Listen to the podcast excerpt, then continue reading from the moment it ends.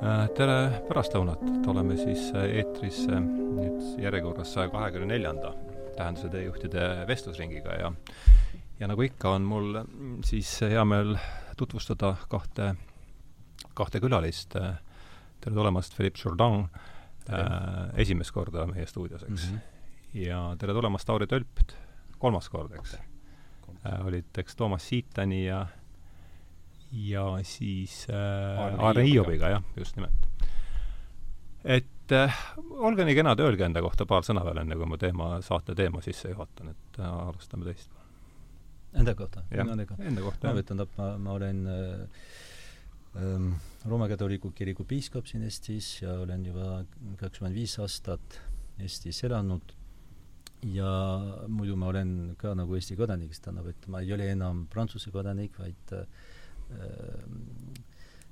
siis loobusin Prantsuse kodakondsusest juba kuusteist aastat tagasi ja, ja nii, et äh, minust sai täiesti nagu Eesti, Eesti kodanik.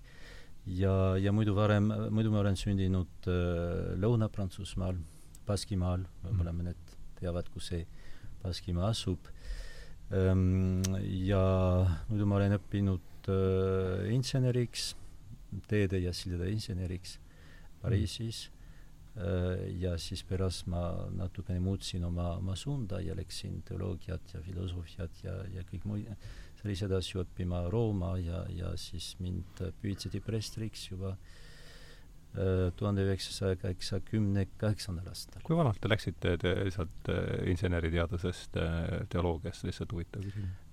Siis oli, ma olin kakskümmend neli.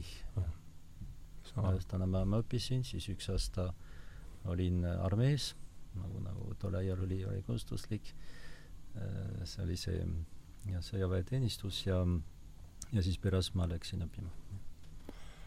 Tauri, olge hea, ka paar sõna. jah, mina olen Tauri. Äh, ma ei oskagi öelda, mis, mis ametipostidest rääkida, aga üldises mõttes olen ma õigeusu teoloog ja, ja konkreetsemas mõttes on võib-olla minu selliseks äh, huvialaks pigem kreekakeelne patristiline pärimus, esimene aastatuhat ja Bütsantsi impeerium, selle raames toimuv.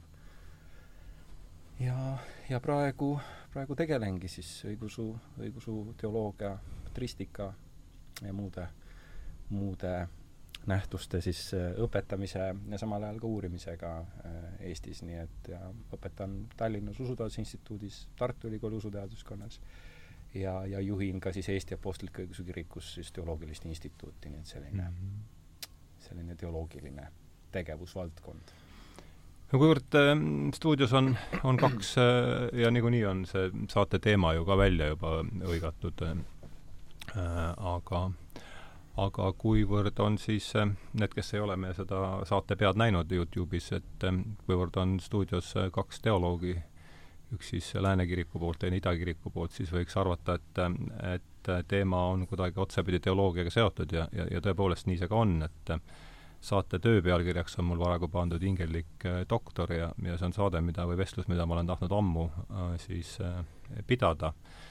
ja, ja on ta siis pühendatud tõepoolest äh, õhtumaade mõtte ühele olulisemale alustalale, nii vähe kui mina sellest asjast aru saan äh,, Aquino Toomasele ja ja võib-olla alustaks niimoodi, et kui nüüd inimene, suur hulk inimesi võib-olla on seda nime üksnes kuulnud, et kui me peaksime nüüd äh, minuti-kahega alustuseks kohe ütlema, et mis on see, mis on Aquino koht, et äh, lääne mõtteloos ja, ja sellest tulenevalt meie tänases eluolus, et kuidas mm, -hmm. kuidas te seda selgitaksite inimesele, kes on parimal juhul kuulnud nime võib-olla mm? -hmm jah, muidugi kahe minutiga rääkida Aquino Toomasest on no ütleme, huvi äratada siis vähemalt. jaa, on suur äh, kindlasti suur ettevõtmine. Äh, ma ütleksin, et esiteks muidugi Aquino Toomas oli, oli munk tegelikult, ta oli dominiklane, Püha Dominikuse ordust ja ta on tuntud, võib öelda, et on katoliku kirikus kindlasti olnud see kõige äh, võib-olla kõige silmapaistvam äh, filosoof ja teoloog ka ähm,. ei saa öelda, et ta oleks äh, katoliku kiriku ametlik filo-, filosoof, sest äh, sest kirikul ei ole nagu ametlikku filosoofiat, on küll äh, amet, ametlik teoloogia, muidugi ta, tal on äh, kirikuõpetus, mida Toomas, Aquino Toomas nagu teenis ja, ja, ja ja, ja nagu selgitas. Ähm,, aga tal ei ole, aga filosoofias on, kui, kui mõistuse töö, see on midagi, mis võib-olla äh, kuidas öelda, mis, mis ei ole, millega kirik ei seosta ennast niimoodi kohe, vaid mida ta kasutab. Ja see, mida me võime öelda, on see ja seda on ütelnud ka mõned paavstid, on, on see, et on täiesti legitiimne kirikus kasutada teisi filosoofilisi süsteeme kui äh, Aquino Toomase oma. aga küll äh, Aquino Toomase nagu süsteem või, või lähenemine äh, filosoofiale ja, ja üldse reaalsusele Äh, mingil määral aitab just mitte, seda üks Leo, Leo kolmeteistkümnes ütles, mitte eemalduda tõest Jumala kohta, maailma kohta ja inimeste kohta.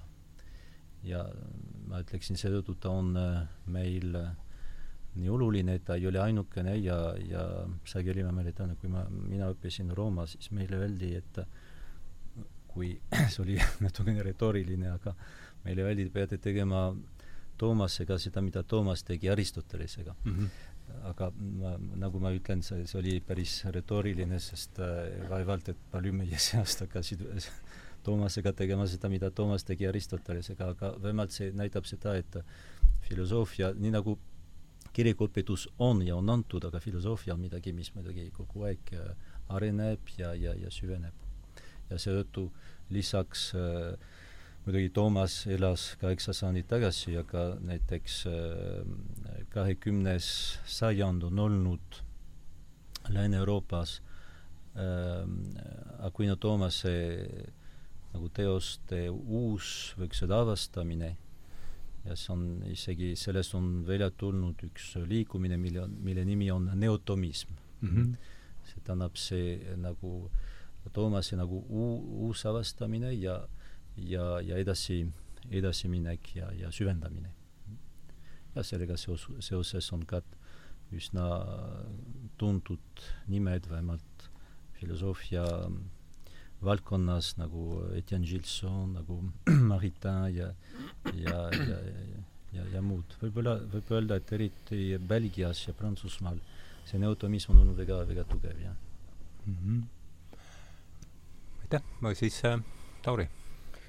Jah, ma arvan tõesti Aquino, Aquino Toomast kokkuvõttes, tegelikult mul just meenus, et omal ajal, kui koolis sai käidud, keskkoolis Eestis, siis mm -hmm. mainitakse ka natuke Aquino Toomast, äh, ta tuleb sellise keskaja, keskaja ajalooga tegelikult nagu ju kaasa ja, ja see, mis mul tol ajal meelde Toomasest jäi, oli, oli, oli see, et, et tema on siis suur nii-öelda Aristotelese mm -hmm. äh, implementeerija ja, ja kasutaja teoloogias me võime muidugi küsida ja vaielda selle üle, et, et kui palju on ta filosoof, kui palju teoloog, ma isiklikult äh, tajun, et, et Aquino Toomas ütleks, et äh, ja tegelikult ka seda paljudes oma teostes ta välja toob, et tema on kiriku usu kaitsja ja selle selgitaja läbi filosoofilise äh, perspektiivi, täpsemalt öeldes siis läbi äh, noh, mitte ainult, aga suures osas Aristotelese loogika ja filosoofia,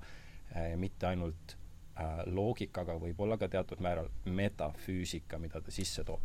nii et, et ma ütleks, et Aquino oli truu, võiks öelda, kiriku ja kirikuõpetuse kaitsja ja teener, kes tegi seda lihtsalt eriti filigraansel ja ülimalt äh, võib-olla isegi maksimumini viies inimratsionaalu, ratsionaalia või, või aru kasutamisel ja, ja, ja kindlasti Aquino Toomas ei oleks olnud nõus ühegi väitega, mis oleks talle pandud, et sa siin lood fil-, uut filosoofiat meile siin, seda ta ei oleks tahtnud kindlasti, et temast arvataks. Äh, ja ta üritas kaitsta äh, kirikut ja just võib-olla siis katoliku kiriku, lääne kiriku doktriine, arusaamasid ja, ja neid selgitada sellisel määral ja õigustada, nii et ma paneks ta ka pigem apologeedi mm -hmm. alla, sest tegelikult tema contra gentiles ehk siis paganate vastu, mida siis kreeka keelde on tõlgitud kui kata hellin, hellen on hellenite või paganate vastu, oli ju ülimalt selline fundamentaalne tekst, millega kaitsti siis kristlust ka islami ees, mis oli, oli tulemas juba idast. nii et, et ma ütleks, et tema meetodid, kuidas usku kaitsta, selgitada ja ka õigustada äh,, olid äh,, oli see, mida, milles tegelikult Aquino Toomas sai kuulsaks ja mis tõi ta tegelikult pildile, me võime hiljem muidugi arutada, ja mina ei ole oma ajalooõpetajatega ja, ja ma loodan, et ka Eesti ajalooõpetajad tulevikus ei õpeta enam seda, et tema on esimene, kes tõi Aristotelese mängu. Mm, -hmm. eks, et see ei vasta tõele. Äh,, aga, aga ta viib ta teatud tasandile äh,, milles on ka oma problemaatika kaasas, aga siiski ta viib ta teatud tasandile, nii et usukaitsja, selgitaja läbi tugeva Aristotelese ratsionalismi pilgu ja, ja kõik äh, filosoofiasse on ta sisenenud oma, oma jumala tõestusse printsiipidega, eks, nii et ta kaitseb usku üldiselt ja ka doktriini siis nii-öelda juba katoliiklikult ka, nii et tal on mitu tasandit seal. ja muidugi ta on ka kommentaator, ta kommenteerib ka tegelikult Aristotelese teoseid, et ta tegelikult läheb ka filosoofia peale üle, aga sisimas ja esmalt on ta äh, et kui sa ikkagi paned ta lõpuks valima, kas Aristoteles või kristlus mm, -hmm siis ta valib kristluse nii et, et selles mõttes ja, ja kui on kaks argumenti, aristotelik argument või kristlik argument ja need on vastuolus, siis ta valib kristliku seal, ta ei mm, -hmm. ei, ei loobub aristotelikust põhimõttest seal, teeb järeleandmisi, kus on vaja. nii et see oleks selline üldises mõttes kena algus tehtud, et siin on päris mitu mär-, märksõna sai kirja, aga noh, ilmselt kõige olulisem käis, mis käis mõlema nimi, mis käis mõlema jutust läbi, on, on, on Aristoteles ja ja võib-olla on aus minu poolest, mitte aus, aga aga aitab kaasa, kui ma selgitan ka, mis see minu kontekst ja miks see mulle pakub huvi, et et, et, et mulle tundub, et siin nagu viiesaja aasta ja see noh, muidugi, et mulle tundub midagi ei tähenda midagi, et see midagi see nii on, et käib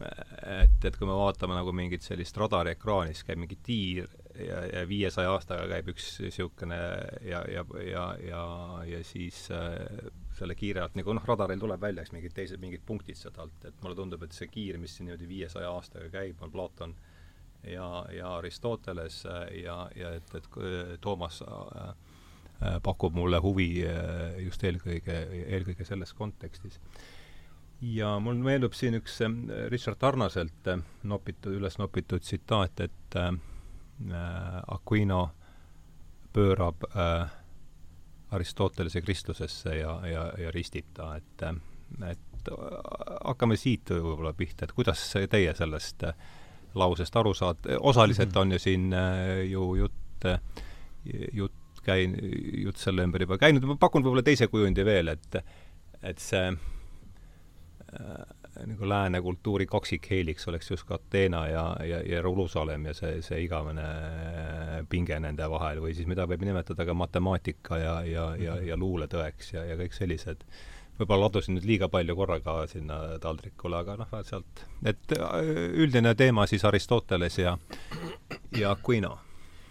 jaa äh,, tähendab, võib-olla ma võib-olla ma alustaksin sellega, kuidas, kuidas Aquino mind kõnetab esiteks, et et ja kindlasti ta võib öelda, ta, ta kõnetab mind natuke rohkem ka Aristoteles üldiselt, aga mm, ma, ma ei ütleks, võib-olla see oleks liialdus öelda, et Aquino Toomas nagu päästis minu elu, aga mingil, mingil määral minu minu usku äh, küll, äh, sest ähm, äh, mina, ma, ma õppisin või minu esimene armastus, võiks öelda, see on just kõik, kõiksugused nagu reaalained, füüsika, matemaatika ja nii edasi, see on see, mida ma olen, ma olen õppinud kõige rohkem ja, ja ülikoolis ka.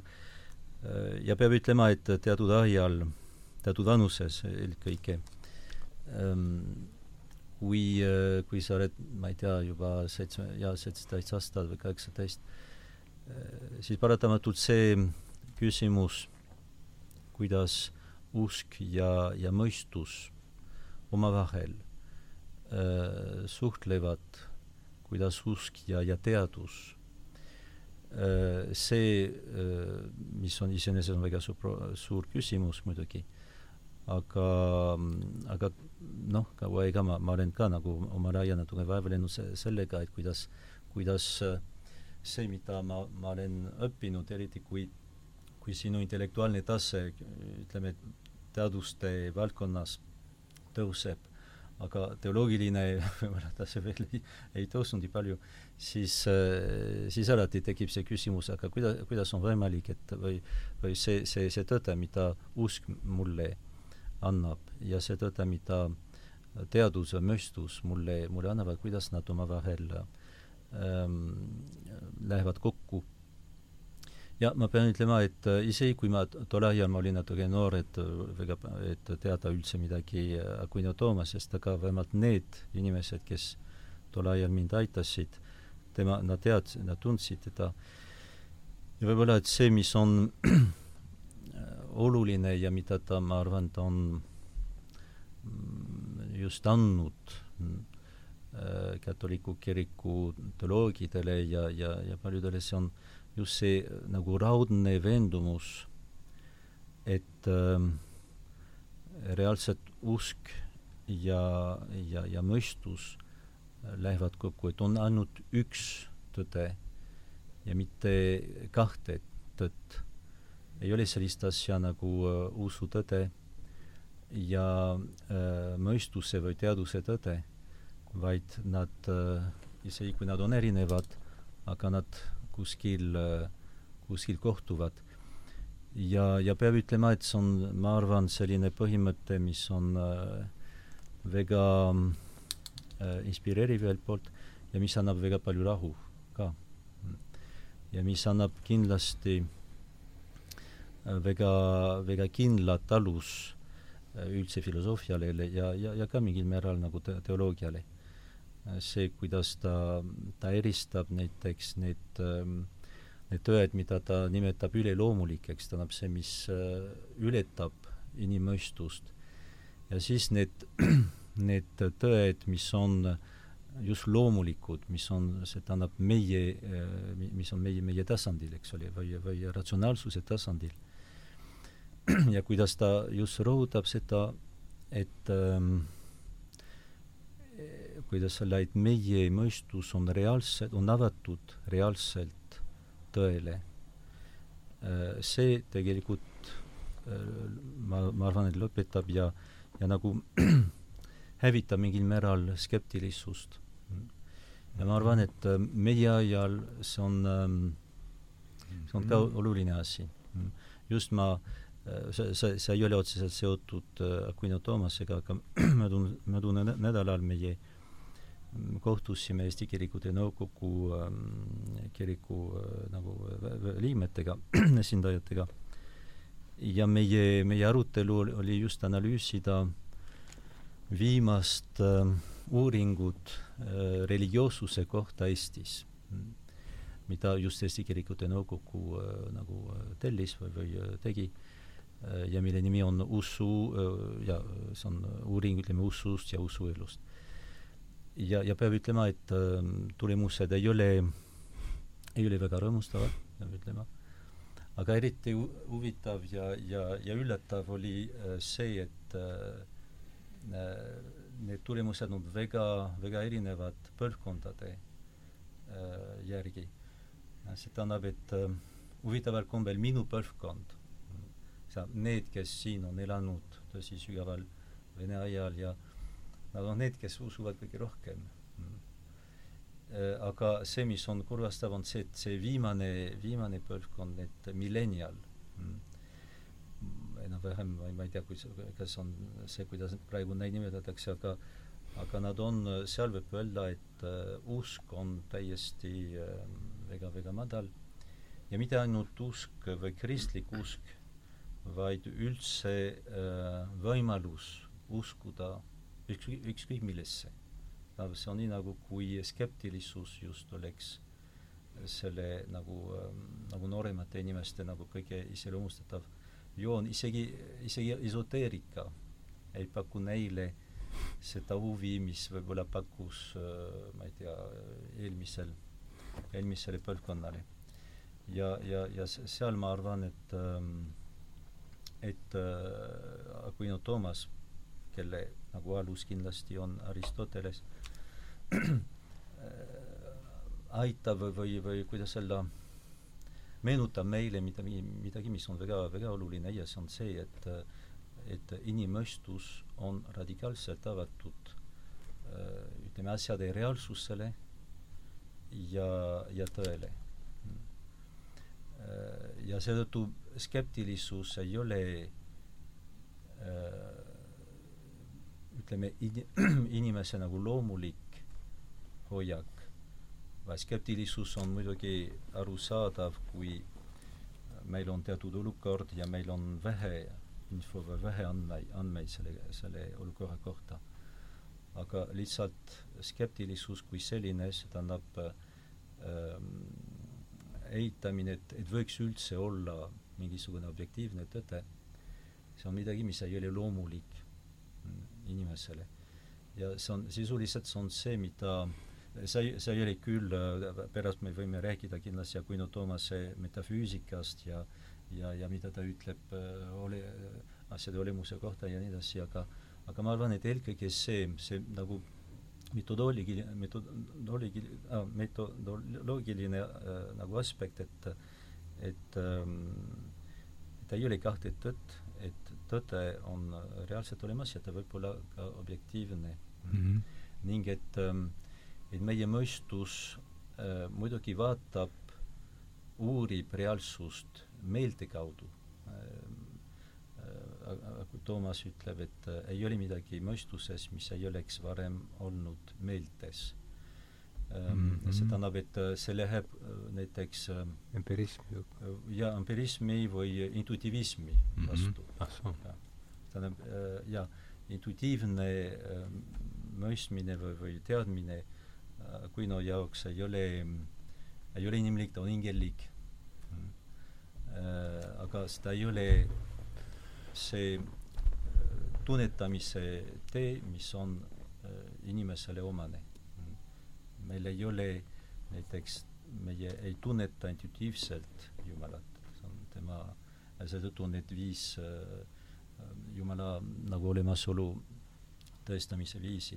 Ühesõnaga kõik see, et öelda, et et võib-olla tundub, et meie räägime praegu keskajast ja, ja antiikajast ja, ja, ja võib-olla kaasaegne kuulaja võib leida, et me oleme väga kaugel praeguses intellektuaalses maailmas, aga ma olen tõesti veendunud, et et mitte ja võib-olla see, mida meie praegusel ajal vajame kõige rohkem, see on just selline väga robustne ja soliidne äh, arusaam äh, sellest, mis on tõde ja sellest, et äh, inimene võib reaalselt tunnetada äh, seda tõtt.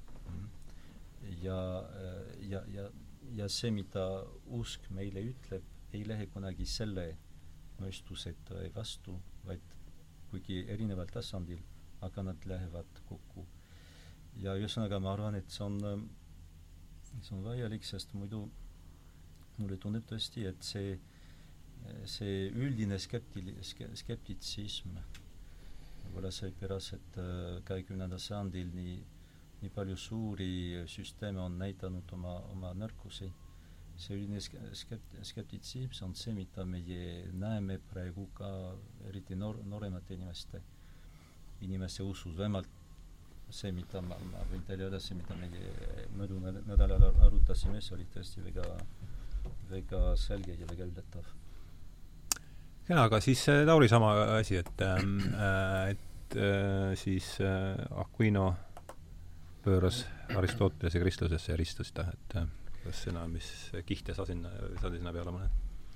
jah, et äh, see on see ju suur küsimus, et kui, kui palju ja millisel määral saab kristlus kedagi enda omaks ristida või oma, oma poole tuua.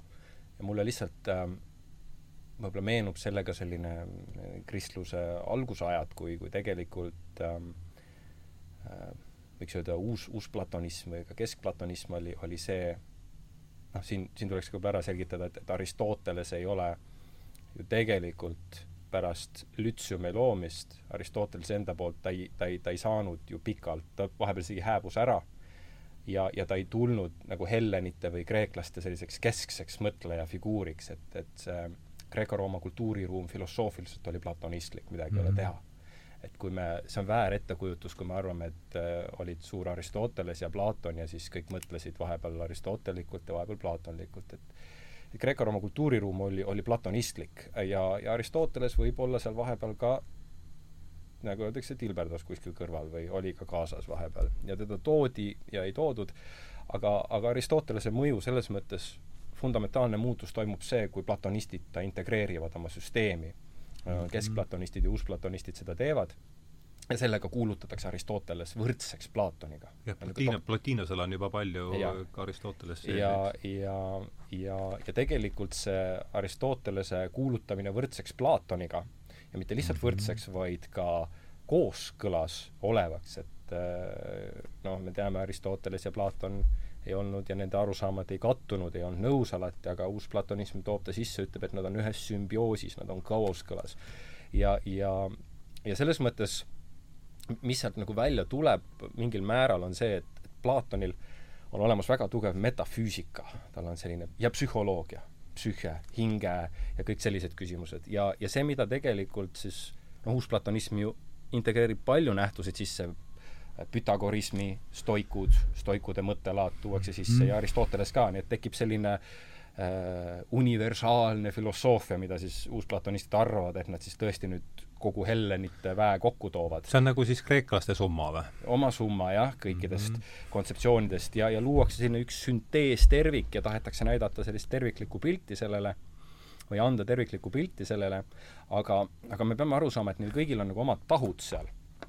Et, et kindlasti Platon on, on metafüüsilisem pigem äh, ja Aristoteles on loogilisem et äh, mis siis ühe tavalise kreeklase või roomlase, ütleme siis, haridussüsteemis oli, ta alustas väga tihti Aristotelese kategooriatega. ja Aristoteles oli tegelikult kõigile teada-tuntud ka Porfüüriuse kolmanda sajandi filosoofia kommentaator Isago G, mis oli siis kõikidele tolle ajastu õpilastele mõeldud selline sissejuhatav teos, rääkiski meile Aristotelese kategooriatest ja kommenteeris neid. Ja mida annab meile Aristotelese kategooria, ta annab meile mõtlemisvõime, kuidas argumenteerida aga ka kuidas selles mõttes mõtestada sõnu, tähendusi, definitsioone, äh, anda neile loogilised kategooriad, mis asi on olemus, mis asi on äh, substants, äh, hüpostaas, mis asi on liikumine, mis tähendab omama, kõik sellised baasmõtted ja kui te mhm. natuke mõistate, see on päris neutraalne, seal ei ole usulist või doktrinaalset või paganlikku kontseptsiooni sees, see on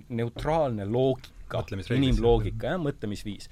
muidugi on Aristotelesel ka metafüüsika ja, ja, ja metafüüsika Aristotelesel omal ajal muidugi integreeriti väga tugevalt Platoni metafüüsikaga, üritati neid näidata äh, sarnaselt, äh, kuigi noh, neil on seal omad, omad erinevused. igatahes ja, ja muidugi Aristotelese füüsika, eks, ja muidugi ka tema eetika omab oma roll, aga ka tema füüsika oli väga, väga kesksel kohal, kogu kineetika ja kogu liikumine oli, oli seal, ja bioloogia, eks, loodus kuulus De anima, kuidas heinast saab hobune, eks hmm., hein, hein läbi metavole ehk muutuse ehk meta, ehk siis seedimise saab hobuseks, hobune sünnib heinast, eks, kogu aeg. Liikumine, muutumine, ülekandumine ja nii edasi, nii et Aristoteles, te võite ette kujutada, on selline tõesti ratsionaalne selgitaja, kes selgitab seda maailma. Ja, ja kuigi tal on ka oma tugev metafüüsika olemas, siis, siis huvitaval kombel seal metafüüsikas ta ikkagi, Platon valitseb seal. Nii et, et, et, et sinna ta ei tule ja, ja tõesti Aristotelese näiteks, et hing on surelik kontseptsioon, no see oli niisugune, mida Hellen tahtis ikkagi hinge surematust näha ja selle liikumist, nii et et, et mingi koha peal Aristoteles võeti, mingi koha peal mitte. ja nüüd, kui me võtame sellises hilisantiigi näiteks ja võtame juba Kristuse ajad, siis me näemegi, et mõni kommenteerija või kommentaator on rohkem uusplatonistis platonistlik, teine mm -hmm. on mhm. aristotelistlik rohkem ja nii mm, -hmm. nii see niisugune kraad, kraadis liikumine käis seal mm. -hmm. aga Kristus võtab kindlasti ka sealt nii ühte kui teist, peamiselt võtab ta kindlasti Platoni äh, kontseptsioone, noh, Platoni hinge küsimus näiteks askeesi teoloogias ülimalt oluline, kuidas mu hing toimib üldse, mis on need hingeastmed, kuidas emotsioonid, kired, paatosed, voorused, kuidas see kõik käib ähm, ja, ja kindlasti ka sellises metafüüsilises mõttes Jumal kui looja ja nii edasi ja nii edasi, demiurg, mis, mis siis ka on, on olemas. ja Aristotelest needsamad kristlased, kes nüüd kasvasid üles seal selles samas Rooma impeeriumis, kasutasid oma loogikaks ja ratsionaaliaks ja, ja selles mõttes need, neid mõlemaid on alati kasutatud. noh, näiteks kolmainu Jumala mm, kontseptsiooni inter-, interpreteerimisel on kasutatud Aristotelese kategooriaid väga tugevalt. Aristotelese põhimõtteid kasutati kristoloogilistes küsimustes, et, et selgitada paremini Kristuse näiteks loomuste eripärasid ja nende toimeid ja mehhanisme, et tõestada ära, et Kristusel justkui on kaks loomust, mitte ainult üks, nagu monofüüsiidid ütlesid, seal mm -hmm. toodi Aristoteles mängu ikoonid mm, -hmm. ikooniteoloogias niinimetatud homonüümide idee mis integreeriti, noh, homonüümid tähendavad seda, et on samanimelised, no põhimõtteliselt kui mul on presidendi pilt on pea kohal või on Eesti lipp on, on ruumis, siis kui ma seda presidendi pilti nüüd panen põlema ja hakkan rüvetama seda pilti, siis ilmselgelt presidendi loomus ei saa kannatada sellega. aga kuna see on, sa kannab tema nime, siis ma ründan siiski tema nime sellega, noh, mhm. samanimelised. ja samanimelisena on alati seos sellega, nii et selle tõttu Eesti Vabariigis on paljudele küll ebaloogilisena, aga Aristotelese loogikas vägagi mõistev, et kui ma panen Eesti lipu põlema, siis sellele järgneb karistus, eks. ja see on Aristotelese homonüümide kontseptsioon, see tähendab, et see lipp representeerib sama nime ja ta on seotud, ma ei saa öelda, et ta ei ole seotud sellega, mida ta representeerib mm. -hmm. ja ikoonide puhul kasutati seda sama loogikat. nii et me näeme, kuidas tegelikult see platonism ja aristotelism on alati olnud, aga nüüd, kui me jõuame Aquino Toomaseni ja küsime, kas ta siis ristis või mitte, siis selle kõigi selle paralleelloos, kuidas Kristus on kasutanud Platonit ja Aristotelest ja neid segamini ja võib-olla rohkem rõhuasetuses platonismile, siis ei tohi kunagi ära unustada, et äh, kui keegi kristlane julges seda natuke liiga palju teha, ka pla-, ja peamiselt Platoniga, siis läks kohe hereesiasse ära. kogu kristluse esimene aastatuhat kakleb selle ümber, Jeruusalemma ja Ateena ümber ja selle vahekorra ümber mm. -hmm. ja seesama küsimus ongi kui palju võib kristlus kasutada, tal on antud ilmutus Jeesuse natsaretlase poolt, juudi pärimusest tuleneb, kui palju ta võib nüüd kasutada seda muude koolkondade loogikat. ja kui me võtame esimese aastatuhande, siis see vaidlus käibki seal. ja seda piiri nüüd paika panna on omaette küsimus. väga palju on Platonit kasutatud ja võiks öelda, et kristluses on väga palju ka Platonit hereesiana hukka mõistetud selles kasutuses ta origenismi näol mm. -hmm. ta, ta on läinud üle, üle võlli ja esimene aastatuhat sai tunda, mis tähendab, kui filosoofia, mis see vahe on, vahe on selles, kas filosoofia hakkab dikteerima ilmutust või on ta pelgalt ilmutuse teenistuses. see on see, ma ennem rääkisin Aquino Toomase puhul samast asjast.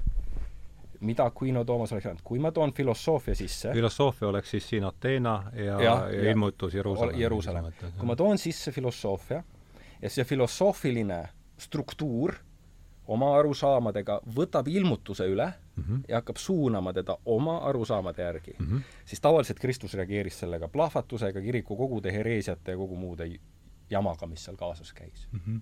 ja kui seda suudeti teha tõesti nii, nagu ma tean, et ka Aquino tahtis, sest ta teadis, Aquino teadis väga hästi eellugu, ta teadis väga hästi, mis Kristusel on toimunud, see ei ole see on nagu tuuma, tuumapommiga ringi käimine, see ei ole päris mm -hmm. nii lihtne, et ma selle filosoofia sisse toon, pead hakkavad lendama mm. -hmm. ja päid on väga palju lennanud sellega ja lendas ka Aquino ajal ja lendas ka Aquinole pähe samamoodi. Äh, pärast räägime sellest, Aquino läks ka, võeti ette selle eest, mis ta tegi. tuhat kakssada seitsekümmend seitse Pariisi kirikukogu mm. -hmm. Aquino võetakse ette, läheb, tundus, et läheb üle piiri.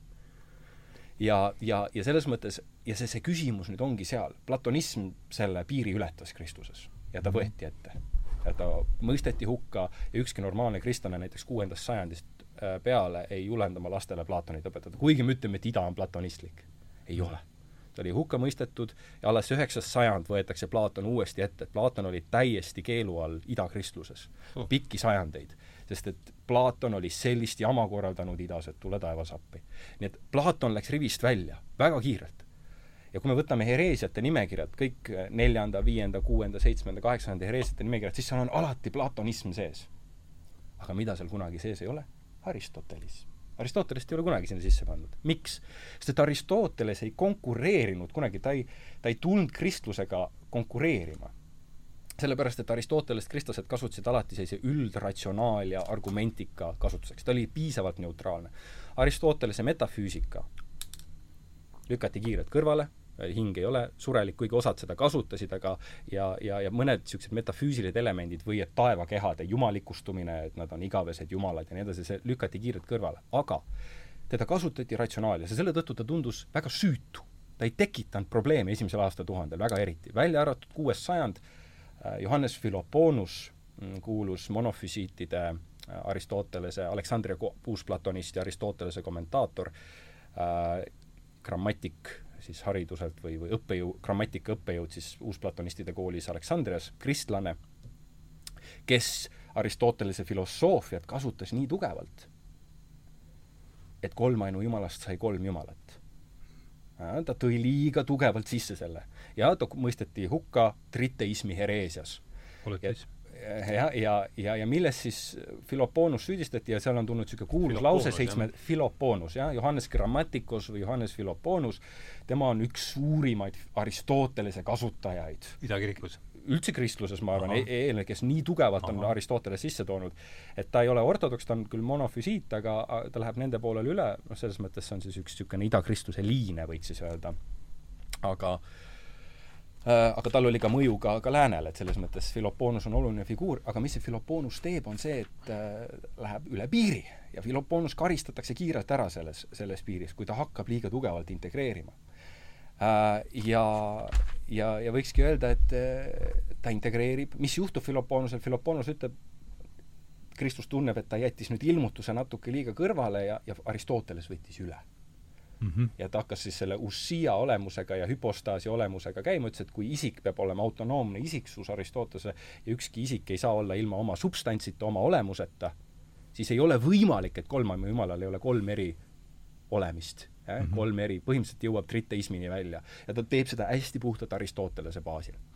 nii et Philoponus läheb siin üle piiri ja teised lähevad ka veel pärast seda ja kusjuures siit Philoponuse järgselt tekib üks huvitav lause, mida Damaskuse Johannes üks suur Kreeka kirikus ja ütleb, et kui ta monofüsiitidega räägib, ütleb, et olete teinud Aristotelesest omale kolmeteistkümnenda apostli mm. -hmm. vot selline so. süüdistus tuleb ette, nii et Kristus mm. tunneb seitsmes-kaheksas sajand aega, kus Aristotelest kasutatakse üle võlli ja öeldakse, et me ei taha teda omale apostlиks siiski, jah, nii et tekib konflikt seal sees. ja nüüd tegelikult me aeg läheb edasi ja, ja tuleb aru saada, et veel kuues sajand veel paganlus veel liigub ringi, tas on omad, omad jõujooned veel, veel olemas, aga seitsmes-kaheksas sajand ta juba tegelikult kaob pildilt ära. ja, ja ega Aristotelest ja, ja Platonit siiski, kuigi see, neid loogikaid kasutati, siis mõisti, et nad on siiski paganad. eks, nad on paganad ja, ja mingil määral olid nad ikkagi see Ateena, millel ei ole Jeruusalemmaga mingit pistmist. aga kui me jõuame nüüd tõesti Aquino Tomase juurde, siis seal tekib kohe seesama küsimus. ja selle tõttu ma tõingi välja, et tegelikult Aquino Tomas läheb aega, kuni hakkad, sealt tekib seesama küsimus, kas Aquino Tomas integreerides Aristotelese loogikat, läks üle piiri või mitte mm. -hmm. kas ta ületas selle Kristuse piiri? osadele tundus juba tol ajal, et läks, läks üle piiri. näiteks kui me loeme seda, äh, tema teese, näiteks kui ta räägib Jumalast, ja ta räägib pura acta ehk siis puhas aktiivus või puha energia, mis siis on Aristotelese definitsioon Jumalast, kus potentsiaal ja aktuaal on alati üks tervik, seal ei saa olla ala, selle erisust nendel. ehk mm -hmm. siis mhm. Jumal ongi puhas toime ta on selge ja puhas toime, seda lugedes võiks mõni kristlane, kes on harjunud esimese aastatuhandese väljendustega, et oot-oot-oot-oot, see on juba nagu rääkida Jumalast sellisel viisil tundus kindlasti väga veider neile äh?. muidugi Aquino Toomas selgitab, et see on kooskõlas Kristusega, see ei ole midagi vastuolulist, aga see väljendusviis tundus veider. ja selle tõttu dominikaanidki või dom-, domi-, dominiiklasedki ei ole nõus Aquinoga pikalt ja tõesti, Aquino läheb alguses ka keelu alla oma, oma, oma väidetega, pärast tema surma muidugi neid ei, ei, ei nõustuta nendega ja võtab viiskümmend aastat aega, kuni ta rehabiliteeritakse ja tegelikult sada aastat aega, kuni ta tuleb siis nii-öelda valgustatud no, mõtlejana sisse, nii et ka tema algus ei ole väga äh,, väga lihtne, aga aga mis selles küsimuses lihtsalt, minu arust Aquino on fantastiline figuur ja, ja katoliku kirik vaatab, ütleb, et lõpuks, et ei, ta ei läinud üle piiri. ta kasutab Aristotelest, siiski Kristuse tarbeks ja ei lase Aristotelesel juhtida kristlust või võtta üle. see on seesama küsimus, mida von Harnack ja teisedki on alati öelnud, et, et kui räägitakse algselt, Adolf von Harnack, kui küsiti, et räägitakse algsest Kristlusest, kas põhimõtteliselt Kristus platoniseerus ära, ehk siis seesama küsimus, mida sa küsisid, kas ristiti Aristoteles Kristusega või ristiti kristlus Aristotelesse see on alati, me saame selle teise küsimuse ka juurde ah, sealt tuua. tulebki see, see on see konflikti koht siis? kummalt, kummalt ta tuleb, et selles mõttes oligi, Harnak ütles kriitikas, kristlus tegi reeturlust mm, -hmm. läks ära. teine pool ütles ei, ei, hoopis platonism kristjaniseerus, toodi üle. ja nüüd selles küsimuses meil on alati kaks poolt. kas Aristoteles ristiti kristlaseks mm -hmm. või samal ajal kristlus ristiti Aristoteleseks. et ja läks aristotelismiks, et kumb kummale läheb. ja selle piiri paikapanemine on väga keeruline, see ei ole üldse nii lihtne öelda, kust üks võtab üle ja kust teine. aga jah, see piiri noh, ma ei tunne teemat nii hästi, et ei oska siin võib-olla selget küsimust äh, esitada, aga kogu see noh, ütleme sellel Aquino lool on ju elu, eellugu mm, -hmm. et äh, mis need oleksid need tähtsamad äh, üritame nüüd kuulajatele visandada selle probleemistiku, mis siit küll mhm. natuke juba välja tuli, et et see, ma saan aru, et siin käib, pinge on selle dogma ja, dogma ja ilmutuse vahel, nagu igas religioonis vist või? aa ah, jaa, no seda võib-olla jaa, igas religioonis on äh, on sarnane probleem, mida peab, peab lahendama, aga ja et võib-olla tagasi tulla selle teema juurde, vähemalt üks, üks võimalik viis tõlgendada mm, Aquino Toomas on näiteks äh, selles, mis puudutab tema metafüüsikat mm. -hmm. see on ähm, äh, öelda just, et ähm,, et sisuliselt ta nagu mitte ühendab, aga teatud määral lähendab küll ühelt poolt äh, Aristoteles, kelle probleem on küll, et äh, selline, et, ähm, et võib äh, kergesti äh, on palju inimesi, kes on kasutanud äh, Aristoteles, tegelikult jõuavad teatud materialismile või, või, või ateismile mm. -hmm.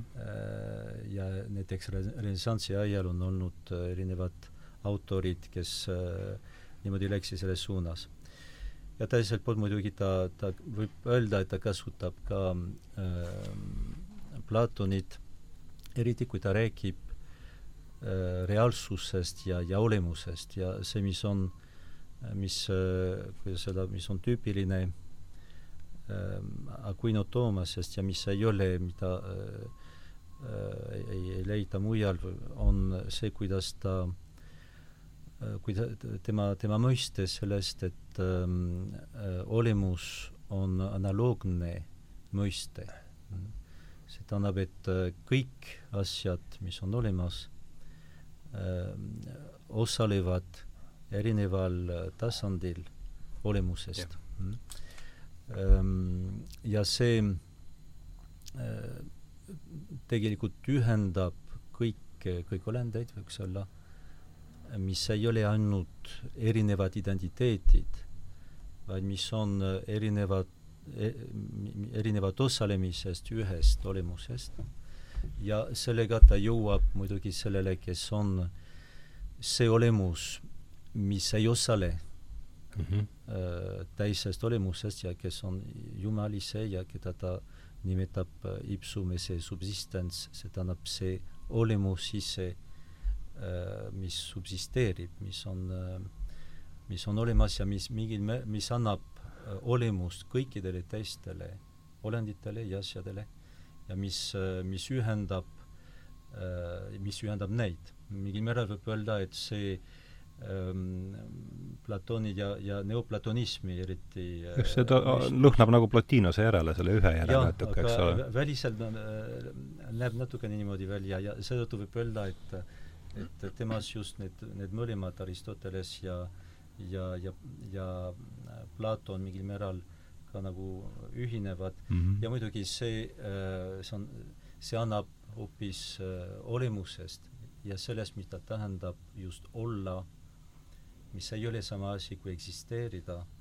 hoopis nagu uut äh, selgitame selle vahe ka ära, palun. kuidas? selgitame selle vahe ka ära, palun, see olemise ja eksisteerimise vahe lihtsalt see, paar... see existence on, see tähendab lihtsalt seda, et et see olend, kes eksisteerib, on, on nagu, eks ole, faktiliselt olemas mm. -hmm.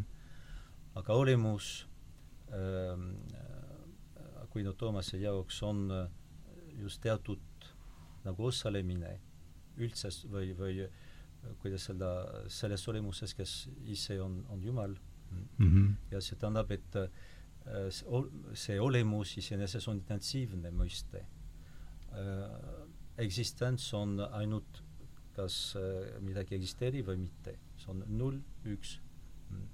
aga olemus Aquinas Toomase jaoks, see on just intensiivne, see tähendab, et see äh, realiseerub erineval tasandil mm. -hmm. seetõttu näiteks ähm, tema jaoks äh, ma ei tea, selle laua olemus või äh, teie olemus või, või äh, lindude olemus taevas realiseerivad erineval äh, tasandil, erinevas, erineva intensiivsusega seda, mida just täielik olemus tähendab mm. -hmm. ja olemus on täielik ainult just Jumalas, kes siis realiseerib, kes on täielikult see, mis ta on ja seda igal, igal hetkel ja seetõttu on, on huvitav lugeda seda, mida, mida ta, ta ütleb, kui ta kommenteerib just need Vana Testamenti sõnu, et kui Jumal ütleb, et mina olen, mina ol-, mina olen see, kes mina mm -hmm. olen.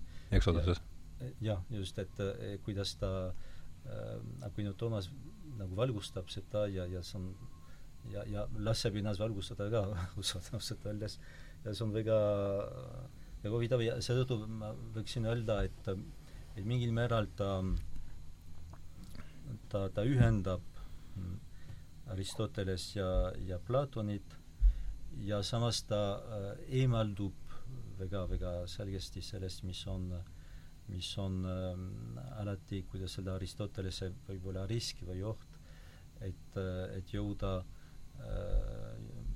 pigem nagu materialismi ja, ja isegi ateismi juurde, selline tendents, mis on olnud sageli just nende, nende filosoofide juures, kes on äh, eriti palju kasutanud Aristotelest mm. -hmm. nii et e, seetõttu võib öelda, et, et kas ta toob midagi uut, kui nüüd Toomas metafüüsikas, ma arvan, et ta, ta toob küll selles mõttes, et ta et ta, ta võtab, ta tuleb, kuidas öelda, ta, ta lehtub Aristotele, Aristotelese põhimõtetest, aga kasutab seda pigem nagu Platoni visiooni, et, et rääkida just olemuses ja selles, mis äh, just lähendab või, või lahutab või selles erinevuses, mis on Jumala kui äh, see äh, kõige kõrgem olemus kõikidest teistest äh, asjadest. ja mul hulgas ka üks, üks teine asi, mis mulle vähemalt kui, pigem kui reaalaine nagu inimesele nagu meeldib ka väga ja see on ka seotud tema olemuse mõistusega, see on äh, aia küsimus. Äh, tema mm, Summa Theologias, ta, tähendab tema see suur teoloogiline raamat, mida ta ei ole lõpetanud, ta, ta suri enne seda, äh, sisaldab just äh, aia kohta äh, väga äh, nagu väga, sellist väga-väga huvitavat kontseptsiooni, et äh, et aeg on ka äh, nii nagu olemus on intensiivne mõiste, mitte nagu eksistents, siis aeg on ka äh, intensiivne ja realiseerub erineval viisil vastavalt sellele, mis on sinu olemuse äh, tasand. see, mis on väga tegelikult kaasaegne äh, küsimus, et äh, mm -hmm. aeg ei ole, nüüd meie saame aru, et aeg ei ole selline absoluut, nii nagu äh, tavaline kogemus võib-olla äh, meile ütleks, vaid on suhteline. ja seda nüüd füüsikud ka nagu seda, seda teavad. Einstein. jah, e, täpselt ja, ja see on äh, huvitav, et ähm, et ta, kui nüüd Toomas, kui ta, ta räägib just äh, aiast, näiteks ta, ta ütleb selliseid asju nagu see, et looming, universumi, maailma looming ei ole toimunud, ei toimu äh, aia sees, vaid ta sisaldab aega, see tähendab, aeg on midagi, mis on loodud. ja mm, -hmm. ähm, ja siis ta on üks questions, tähendab üks küsimus, millele ta, ta vastab.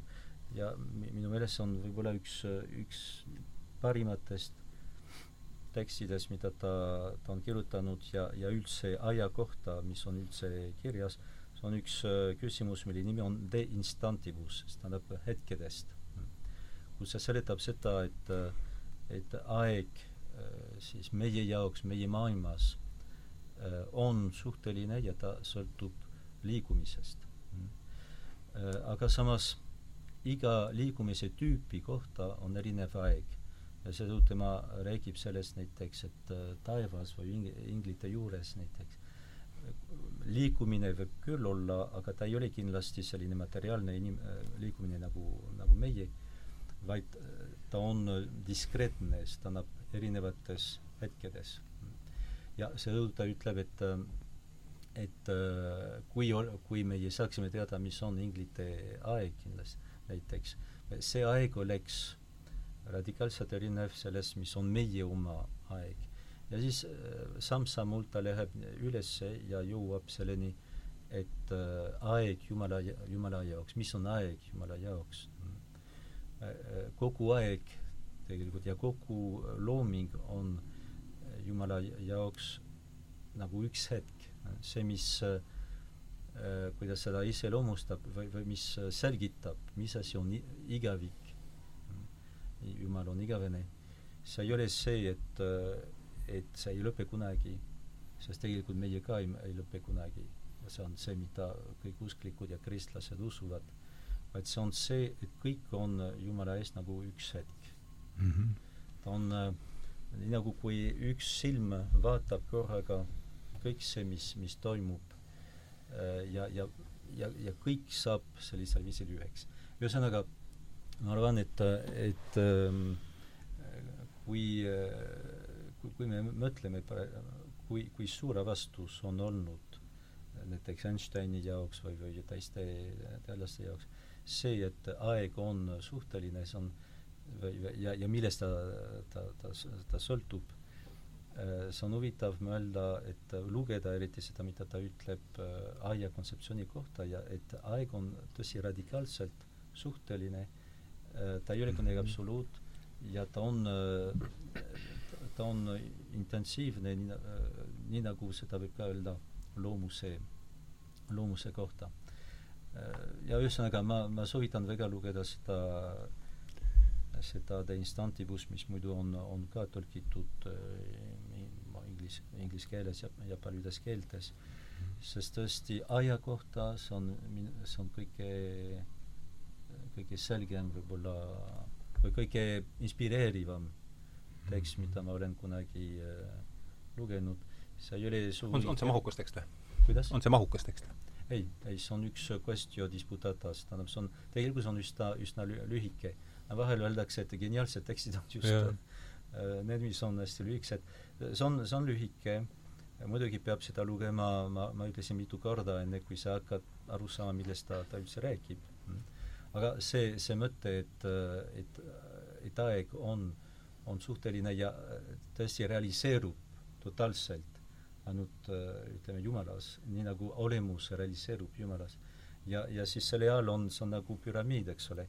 et ähm, aia kontseptsioon on, on, võib öelda, et on igal äh,, igal olendil on oma aeg mingil määral mm. -hmm.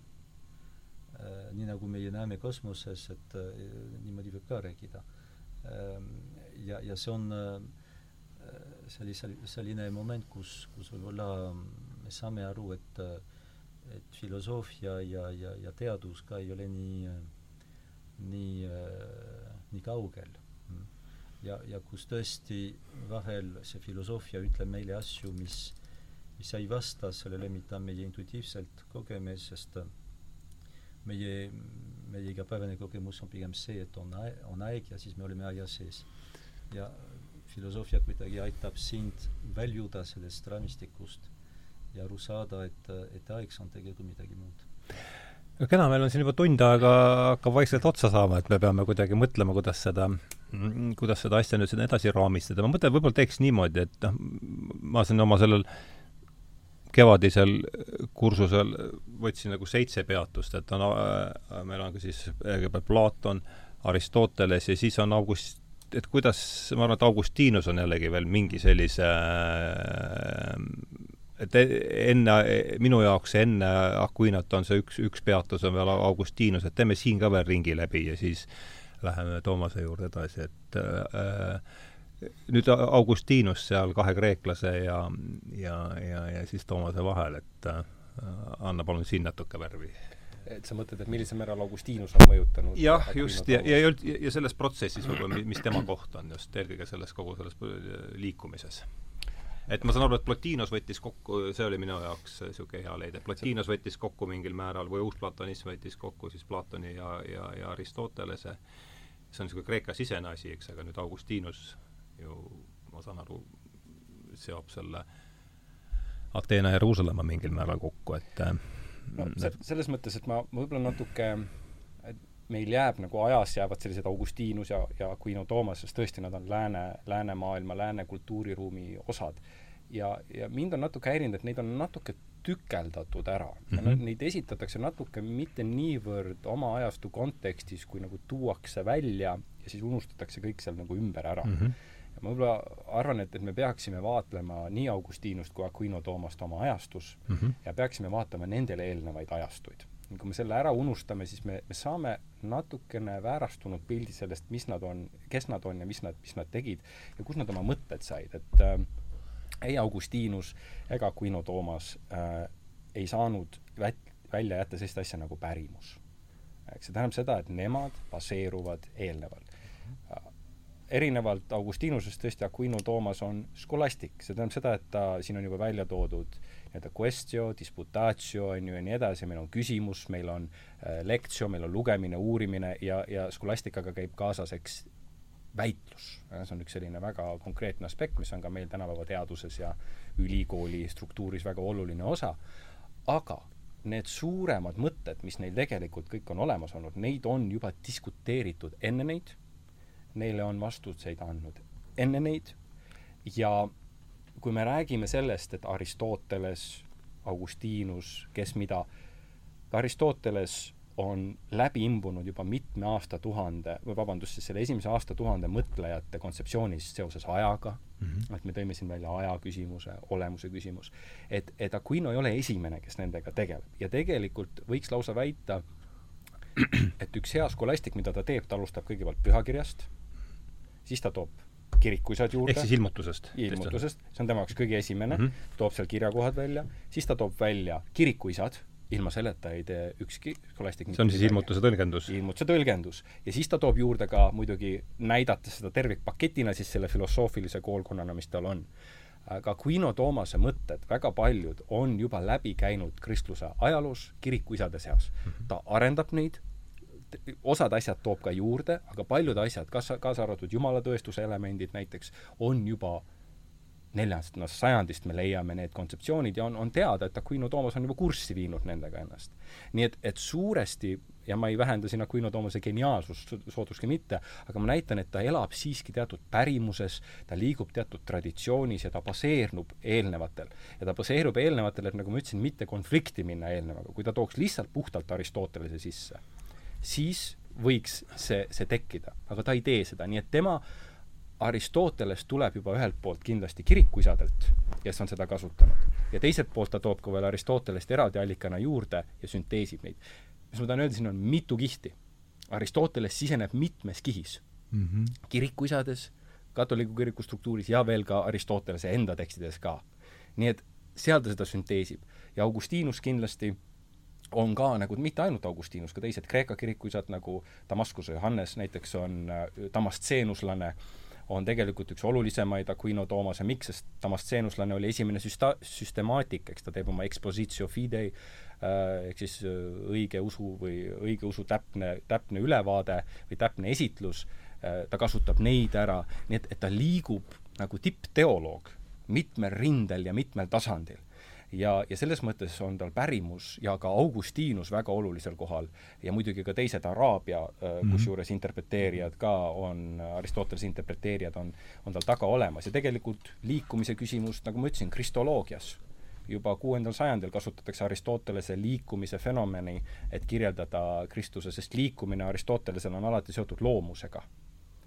Natura, füüsis ja kineesis äh?, motio on siis need kaks asja, mis on alati seotud ja läbi liikumise ja energiat oli võimalik tuvastada loomust ja oli võimalik tuvastada ka siis Kristuse loomuseid ja tõendada mingeid asju, nii et et see, see on, see on pikk lugu, on seal taga ja Aquino Toomas tuleb ja tema ees on tegelikult päris suur töö tehtud. ja nüüd tema tuleb juba, juba uues kuues ja annab sellele kõigele, mis oli, võiks öelda veelgi, nagu ma alguses välja tõin, veelgi toob selle kirsi sinna tordi mm. peale justkui, ta teeb selle veel filigraansemaks, ta, ta peenhäälestab, aga ta teeb seda kõike suuresti pärimuse raames. nii et, et mm. jumala tõestused näiteks on juba olemas olnud, tema kuulsad jumala tõestused on osaliselt olemas olnud kirikusõda pärimuses, võib-olla see Aristotelese liikumise liikumatu liigutaja ja et liikumine viib lõpuks liikumatu liigutajani, Aristotelese mm, -hmm. see on Gregorius teoloog neljandal -hmm. sajandil Nazianzi Gregorius juba kasutab seda selgelt oma kahekümne kaheksas Horatius, selgelt, seda kasutavad hiljem ka Maximus usutunnistaja, Damaskuse Johannes ja nii edasi ja nii edasi, nii et ta liigub liini pidi. ja see jõuab ühel hetkel Aquino Toomaseni, kes annab sellele tippneva juure mm. -hmm. ma täpselt ei oska öelda, kuna ma ei ole ka Augustinuse spetsialist, millisel määral ja mida, aga ta tegelikult võtab seda igalt poolt, kindlasti ta kaitseb juba tolleks ajaks äh, vägagi etableerunud äh, doktriine nagu filioque küsimus kindlasti mm, -hmm siis püha vaimu lähtumine, ta selgitab seda, äh, purgatooriumi küsimus kindlasti on, on tema jaoks oluline aspekt, mida ta, ja, ja ta, ta kaitseb, väitleb selle vastu, äh, nii et, et, et ta liigub nagu omas, kasutab pärimust, aga argumenteerib oma disputaatius selle üle täpselt samamoodi, tuues siis juba, juba ratsionaalselt sisse, kummal siis õigus ja kummal, kummal mitte. ja, ja tegelikult noh, minu arust on siin juba väga vahvalt välja toodud see see olemise küsimus, sa rääkisid eksistentsist ja olemisest, et siin on see vahe sees, ehk siis eksistents, eks, istame, eksist, on see, et millestki. see tähendab seda, et tal on, nagu juba Aristoteles teeb hästi, äh, kõik, mis liigub, on liigutatav millegi poolt. see tähendab seda, et ta on juba mõju all. kõik, mis on kaduva olemisega, saab tulla ja minna, see tähendab seda, et tema olemine on laenatud, ta on juba mingi mõju all ta ei ole ise mhm. olemine, nagu siit äh, välja toodi. Äh, ja, ja selle tõttu see on Aristotelese loogika nurgakivi ja kristlased kasutavad sedasama põhimõtet juba tegelikult noh, ütleme niimoodi, et paganlusega diskuteerides Aristoteles läks väga kiirelt kohe mängu ka nende vastu. et nad kasutasid ja selle tõttu tuletame meelde, mida tegi Julianus, keiser Julianus neljandal sajandil, ta keelas kristlastel äh, paga-, klassikalise hariduse saamise ja andmise, kuna noh, suuresti siis selle õpetamise, äh, kuna äh, ta ütles, et rikute, te kasutate valesti neid. eks mida kristlased tegid, nad tõid kohe oma adra, nii-öelda oma, oma, oma adra ette panid selle tööd tegema. ja põhimõtteliselt pöörasid paga-, filosoofide, kes ise tagataustalt olid paganad, mõtted nende endi vastu mm. -hmm. Nad tõid sellesama loogika. nii et nad kasutasid seda paganluse vastu mingil määral. Ja selles mõttes ka Aquino teosele Contra Gentiles ehk siis paganate vastu ka tehti nalja, et noh, kasutad paganaid paganate vastu, sest sa ju baseerud Aristotelesel, kes on pagan, nii et mm -hmm. kui, kuidas niisugust asja on võimalik teha, see on omaette diskussiooni küsimus, aga võib-olla, mis ma tahan, et selline baasmõte jääks meile meelde, et ka Aquino Toomas ja tema loogilised kontseptsioonid, tema aristotelism, räägime siis niimoodi, ei tule puhtalt Aristoteleselt vaid see mhm. tuleb juba kiriku eelnevas pärimuses mm -hmm. ja ta lihtsalt võib-olla korrigeerib äh, mingeid nähtusi seal, seal juurde.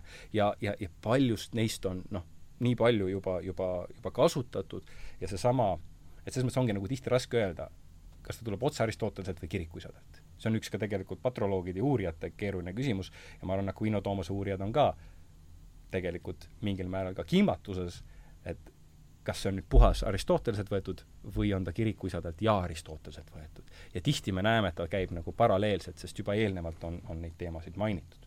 nii et olemine, liikumine, kõik need kontseptsioonküsimused ja minu arust ka kreeka keele sõna, mis tähendab eksistentsi, on ip-arho, tähendab seda, et tal on äh,, ta on alguse all. hüpo on kreeka mm -hmm. keeles all ja arhee on algusega. ehk siis eksistents mm -hmm. tähendab alguse all olema. mis tähendab seda, et kõik, mis eksisteerib, on algusega mm. -hmm. ja kõik, mis on, iseolemine, tal ei ole algust. ja see ongi vahe eksistentsi ja olemise vahel, kui sa ennem küsisid mm. -hmm. olemisel ei ole algust, eksistentsil on alati mingi algus.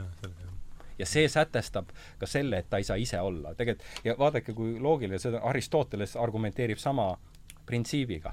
kristlased toovad selle juba kohe alguses tegelikult äh, mängu, hakates eristama loodut ja, ja mitteloodut oma, omavahel, nii et, äh, et jah, ma tahaks seda nagu rõhutada, kuidas need kaks äh,, ehk siis Aristotelese loogika oli juba ennem sees ja teda on juba tegelikult arendatud ka ennem seda kristlikus teoloogias küll ja küll mm. -hmm. ja, ja, ja Aquino lihtsalt jah, paneb sinna, sinna juurde, aga ma arvan, et, et täiesti meil võib olla omaette teema sellesama olemise, eksistentsi ja liikumise küsimuses, et äh, siin on üks loogika mm. -hmm ja Quinole ja Scholasticutele on natuke heidetud ette seda, et ähm, te avate Pandora laeka mingil määral.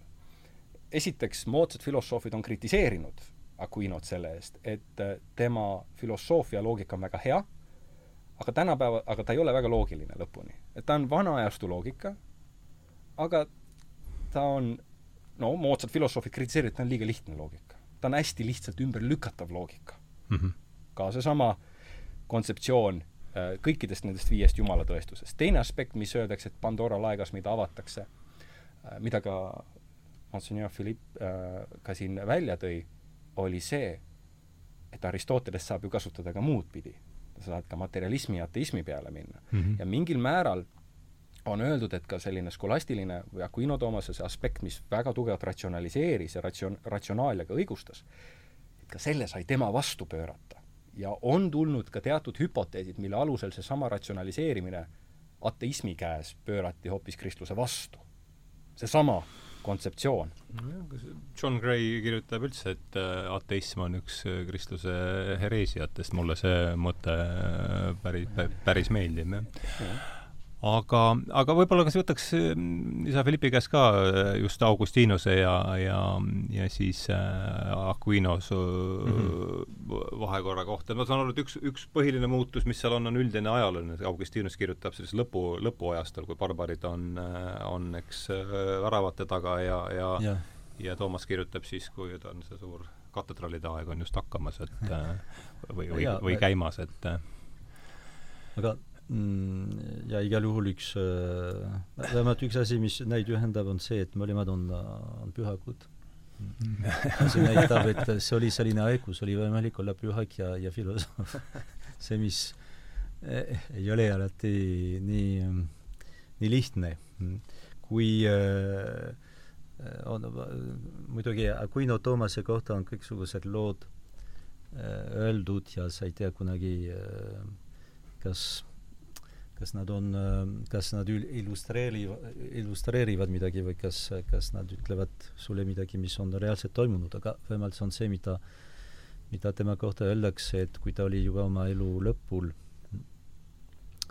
siis äh, ta võttis äh, ta, ta, ta suri tegelikult teel Lyoni äh, nagu kiriku kogu poole ja aga enese ta on, ta kuskil peatus oma, koos oma sekretäriga ja öeldakse, et ta võttis need, kõik need, need kirjutised, mida ta oli, oli, olid ka nagu Johannese evangeeliumi kommentaarid ja, ja, ja võib-olla mõned, mõned osad ka sellest teoloogilisest summast.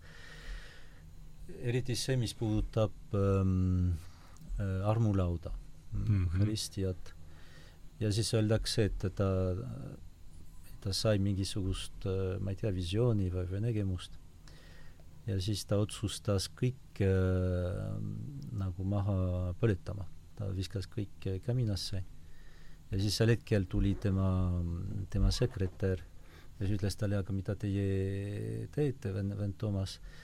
ja siis ta, ta seletas talle, et see, mida ma kirjutasin, ei ole äh,, ei ole vale aga see on, see on nii kaugel äh, nagu reaalsest asjast, ega ma, et ma arvan, et seda, seda pole väärt võrreldes äh, selle reaalsusega. ja siis õnneks, õnneks meie jaoks öeldakse, et äh, see äh, sekretär nagu hüppas kaminasse ja, ja, ja päästis seda, mis oli veel võimalik päästa. see näitab ka nende suurte inimeste nagu kuidas selle alandlikkus, et oma, oma teadmistega nad ei ole, ei ole ka nagu püüdnud äh, ei, ei ole ennast teinud suuremaks kui, kui Jumal ise, vaid, vaid äh, oskasid alati leida need, need piirid. Ja võib-olla see on see, mis on ka nagu puudunud, kui me, me vaatame selliseid inimesi nagu nagu Cartesius või Hegel või, või Kant, et on, on selline äh, selline soov, ma arvan, nende juures, mida sa tunned, et, et midagi luua, mis nagu kõik sisaldaks ja mis äh, tegelikult ei arvesta äh,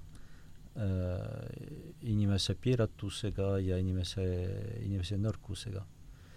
ja tegelikult ma mäletan, üks, üks raamat, mida ma lugesin, kui ma olin palju, palju noorem, ma vabandan, see ei ole otseselt seotud Augustinusega, aga, aga teiste, teiste mm, autoritega. Ehm, see on ähm, Jacques Maritain, üks noh, prantsuse filosoof kahekümnendal sajandil, ta on kirjutanud raamatut, mille nimi on Kolm reformaatorit.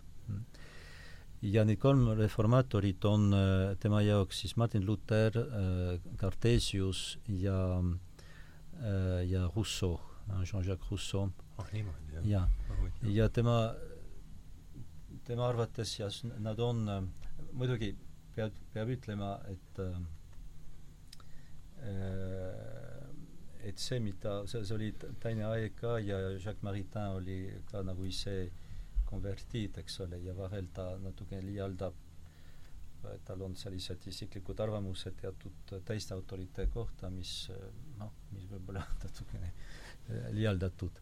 seetõttu, kui äh, eriti kui inimene on, kui lugeja on luterlane, siis kui ta loeb seda Martin Lutheri osa, siis lihtsalt peab arvestama sellega, et vahel äh, Jacques Maritain on selline väga emotsionaalne ja, ja väljendab ennast mitte kõige, võib-olla kõige paremal viisil Martin Lutheri kohta mm. -hmm. aga igal juhul ta, ta ütleb, et et see, mis mis, mis nagu on, on kujundanud modernset või modernse aja filosoofiat ja, ja mõttemaailma, on just need kolm reformaatorit ja see, just seda, et nad, nad ei ole käsitlenud inimest Äh, nagu inimese konkreetsuses ja, ja, ja isegi nagu nõrkuses, võiks öelda, vaid nad on äh, teda käsitlenud nii, nii nagu kui ta oleks juba ingel, võib-olla langenud ingel, aga ingel, mitte, mitte inimene. See on äh, võib-olla eriti Cartesiusega väga, väga selge, sest Cartesius on just see, mis ütleb, et peamiselt tema jaoks inimene on hing mm. -hmm. ja see mis on äh, Aquino Toomasega väga selge, on see, et et äh, inimene ei ole hing keha sees, vaid äh, inimene on seesama keha, mida meie, meie näeme. Cartesiusega ei ole, ei ole päris, päris nii ja seetõttu on tema kohta on see, on üks ka nali, mida, see ei ole nali, tegelikult see on, see on ka ajalooline, et et teatud ajal iga, igal hommikul ta kohtus ühe selle, ma arvan, see oli see baron äh, von Olbachiga, kes oli tuntud materialist tol ajal, ateist, ja see baron von Hol-, Holbach, kes oli üsna, üsna väga materialistlik ja, ja ka nagu naljamees ütles talle iga kord, kui ta nägi teda, ütles talle oo hing sest äh, Cartesiuse jaoks inimene on hing põhimõtteliselt. ja sellele mm, Cartesius vastas vaadates just Olbachi poole, oo liha sest Olbachi jaoks inimene on, on, on liha ja ainult, ainult liha. nii et, et just see kon-, inimese kontseptsioon, mis arvestab, ütleme, ühelt poolt inimese suurusega ja teiselt poolt äh, ka tema, ütleme, tema nõrkusega või tema, äh, tema materiaalsusega, äh, ma arvan, et see on see, mida ka keskaegne filosoofia on kindlasti väga palju ja koos kogu pärimusega väga palju uurinud ja mis teeb, et see filosoofia minu, minu, minu arvates on väga, ta on väga tasakaalus. Ta lehtub tõesti inimesest, nii nagu meie teame, et ta on. Ehm, ta ei, ei tee inimesest äh, nagu inglit ega ka looma, vaid, vaid tõesti inimene. ja just äh, aru saada, kes või mis tähendab olla inimene võrreldes ingliga ja äh, loomaga, see on võib-olla filosoofia üks suur äh, väljakutse, sest äh, loom muidugi see on see, mingil määral võib öelda see totaalne materiaalsus ja ingel see on see totaalne vaimsus. ja nagu meie teame, palju palju kergem on mõista seda, mis on ekstreemne, kui mõista seda, mis on äh, vahepe-, vahepealne.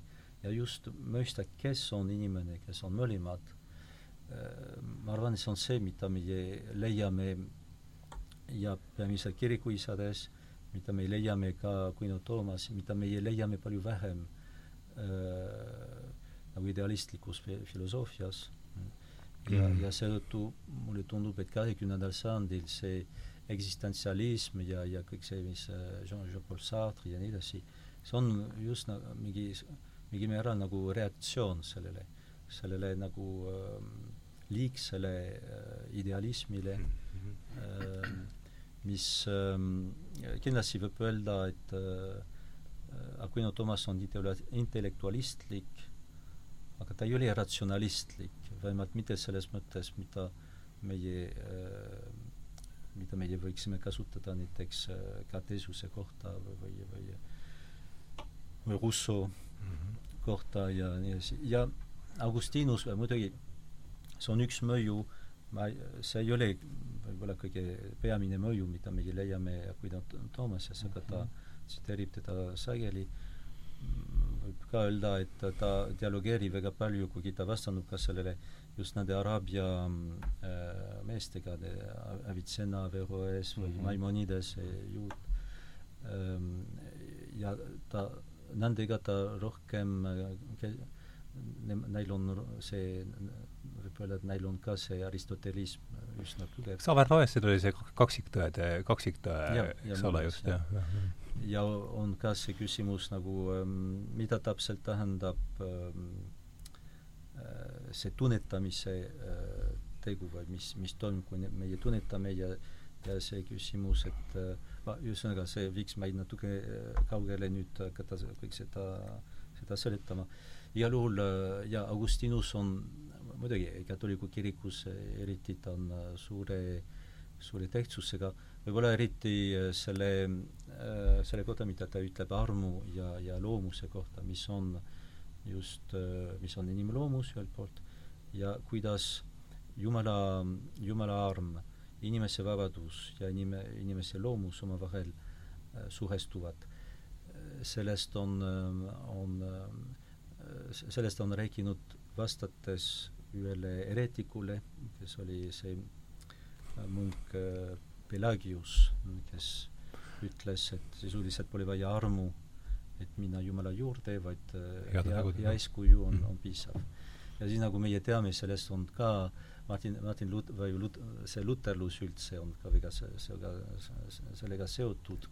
Solagratsia. aa, Solagratsia muidugi, jah. see on äh, teatud interpretatsioon, ütleme, Augustinusest et no muidugi jaa, Augustinusest ja, jah. ja jantsenism on ka nagu otseselt mm -hmm. sellega seotud. nii et äh, jaa, võib öelda, et nagu Augustinus on suurepärane ja võib öelda, et on asju, mida ta ütleb, mis on, mis äh, see tema pihtimused on kujundanud tõesti eriti õhtumaa kristlust, aga teisest küljest ta on, äh, ta on raske interpreteerida. ja see küsimus just äh, kus lõpeb kuidas öelda, kuidas äh, Jumala initsiatiiv ja, ja inimese vabadus on omavahel, ei ole vastuolus või teevad omavahel koostööd, siis on äh, mingil määral veel üks äh, suur müsteerium ja see on üks küsimus, kus vahel just peab õppima korrektselt interpreteerima seda, mida Augustinus ütleb. ma lihtsalt kommenteer-, või kommenteeriksin sedasama kontseptsiooni, et Augustinuse tippuurijad on, on, on, on kahe osa peal segaduses ja, ja siin isa, isa, isa Philipp tõi väga hästi välja, et on, on väga raske interpreteerida, me ei saa tihti aru neist ja, ja ja seda kohta Augustinusel, millest me aru ei saa, ongi siis armu ja vaba tahte küsimus.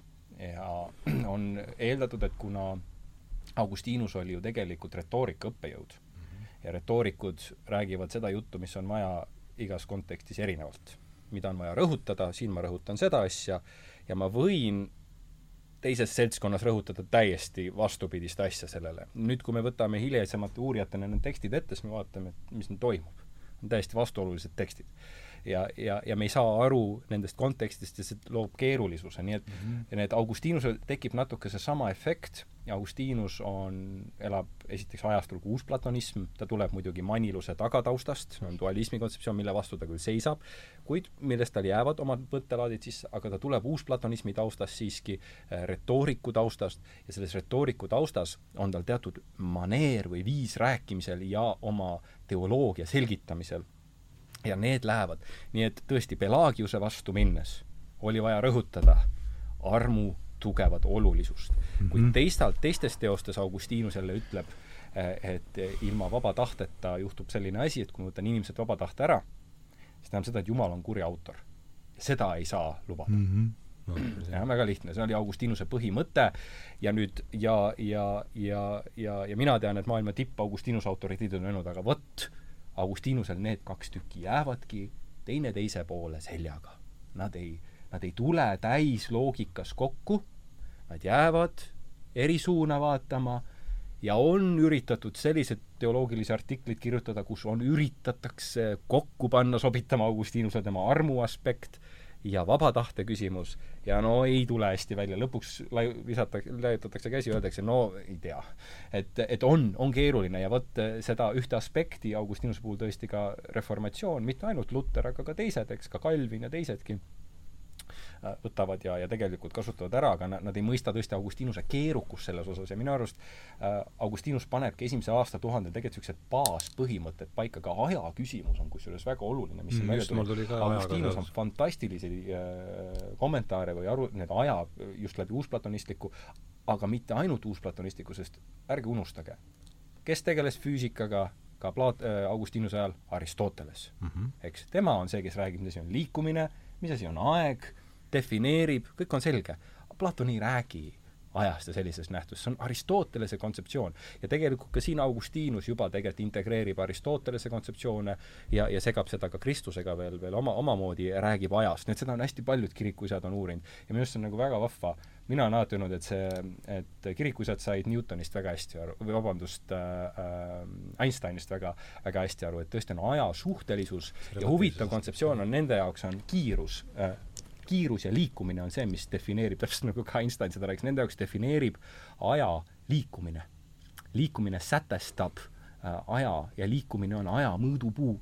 ja, ja näiteks hiljem kasutatakse seda printsiipi, öeldakse, et kuna inglid, neil on küll hetkeaeg, nii-öelda punktuaal- või hekte, hetkeaeg, aga neile öeldakse, et nad on hästi kiired. et see on see ülim kiirus ja selle tõttu on nende aeg ka lausa igavikuline justkui, jah, selles on nagu täiesti teistsugune kontseptsioon. ja siis räägitaksegi äh, nii-öelda surmajärgsest ajast veel omaette kontseptsioon. et laias laastus on kirikuisadel liigub see niisuguses kolmes kategoorias, on muutumatu, igavene ja ajaline, kolm mm. -hmm. kontseptsiooni. et muutumatu on Jumal, mis me räägime siis Jumala enda aeg, alguseta ja lõputa ja igavene hetk või igavene punkt äh,, ja siis on, on, on inglite ja, ja elu pärast surma kontseptsioon, mida siis on illustreeritud kui päev, päev, mil päike ei lähe looja kontseptsioonis, see on selline il- illustratiivne jutt sellele, see tähendab seda, et algus on olemas, aga see algus stabiliseerub hetkeks. et kui Jumalal on alguseta ja lõputa hetk, siis inglitel on algus, mis on stabiliseerunud, meil ta tuleb ja läheb kogu aeg.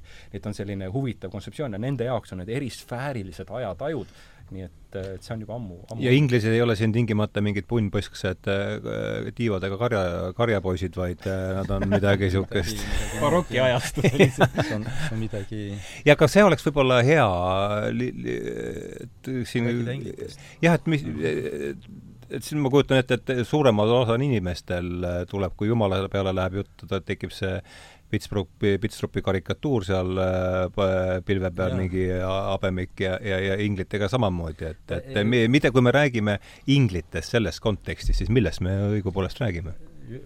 oli üks, üks asi, mis mind väga üllatas just möödunud nädalal, kui ma, me rääkisime Eesti Kirikute Nõukogu inimestega just sellest, sellest uuringust, on see, et ühesõnaga see analüüs, mida tehti, eristab teatud äh, erinevad grupid, eks ole, inimestest ja muuhulgas üks oli kolm gruppi ja see kesk, see keskpärane grupp või vahepealne grupp on, on selline, kus inimesed väga palju ei usu aga huvitaval kombel see on selline grupp, kus äh, inimesed võib-olla ei usu Jumalasse ja ei tea, kas äh, väga see Jumal on, on olemas, aga nad usuvad inglitesse. tähendab, et on äh, üllatavalt palju inimesi, kes usuvad inglitesse. Väga popp teema, jah.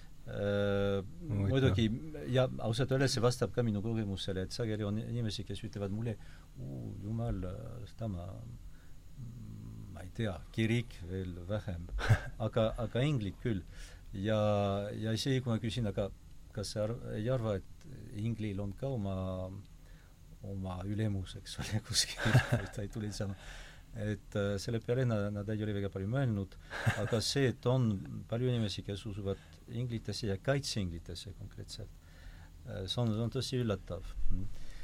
ma, ma ei, ma ei oska seda nüüd interpreteerida, miks, äh, mis on see loogika, mis teeb, et üks inimene ei ütleme, ei, ei usu religioosses mõttes, aga, aga usub inglitesse, aga igal juhul see pakub väga suurt ähm, huvi praegu ja, ja, ja lihtsalt äh, kristlasena muidugi me usume, et äh, inglid on olemas ja kaitseinglid on olemas, aga neil on äh, radikaalselt nagu erinev äh,, erinev äh, loomus. Nad on äh, loodud muidugi, aga neil on sel-, selline äh, Toomase jaoks äh, see, mis iseloomustab inglit, see on just see intuitiivne tunnetamine. inimene tunnetab asju ainult ratsionaalselt, diskursiivselt, seetõttu ta ütleb, et kõik see, mis on äh, mõistuses äh, varem on, peab olema meeltes, aga kuna just ingel on see, kellel ei ole kaha, järelikult ei ole ka meeli, siis äh, siis mm -hmm. tema, tema tunnetamine on intuitiivne, see tähendab, et ta äh, saab, võiks öelda, ta mõistab korraga kõik seda, mida ta võib mõista ühe konkreetse teema kohta nii nagu meie, kui meie vaatame, ma ei tea, puud või siis me peame õppima erinevaid asju, eks ole, selle puu kohta mm. -hmm. Uh, ingel on just uh, see, kelle, kelle mõistus on intuitiivne. ja olgu, et uh, meie ei ole siin, keegi meie seas ei ole ingel, võib-olla on me, meie kaitseinglid lendavad natukene meie, meie ümber, aga see, mis on tähtis just, on on see, mis oli tähtis just kui Toomas, Toomase jaoks on äh, just see, et et äh, intuitiivne tunnetamine ei saa olla, ei ole inimlik, ühesõnaga. ta võib vahel olla Jumala poolt antud äh, niimoodi nagu erandjuhul, aga äh, ei ole sellist asja nagu äh, Jumala intuitiivne tunnetamine või äh, asjade reaalsuse intuitiivne tunnetamine, see on see, mis, mis on äh, Äh, just inglite, inglite jaoks äh, nagu oluline. ja äh, muidugi see teine, tema on see, nad on loodud. ja ma arvan, et, äh, et selle kohta on, on ka väga huvitav on lugeda ka seda, mida, kuidas Aquino, Toomas, Aquino Toomas, ta räägib just äh, algusest ja, ja, ja loomisest, sellele, et loomisel on algus mm. -hmm. asjad võivad olla loodud ilma, et neil oleks algust. aga algus on see, mida piibel meile ütleb, et alguses oli taeva ema. ja, ja siis äh, just see mõte, et loomine kristlikul perspektiivis on ex nihilo, see tähendab ei milleski.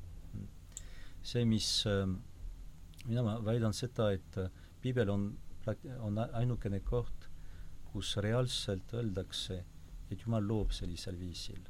seda ta on täielik looja, sest äh, sageli öeldakse, see, mis on piiblis, niikuinii see oli juba varem äh, babylonlaste müütides ja, ja, ja ka nagu Vana-Kreeka müütid ja nii, et see loomine, see ähm, uputamine ja nii.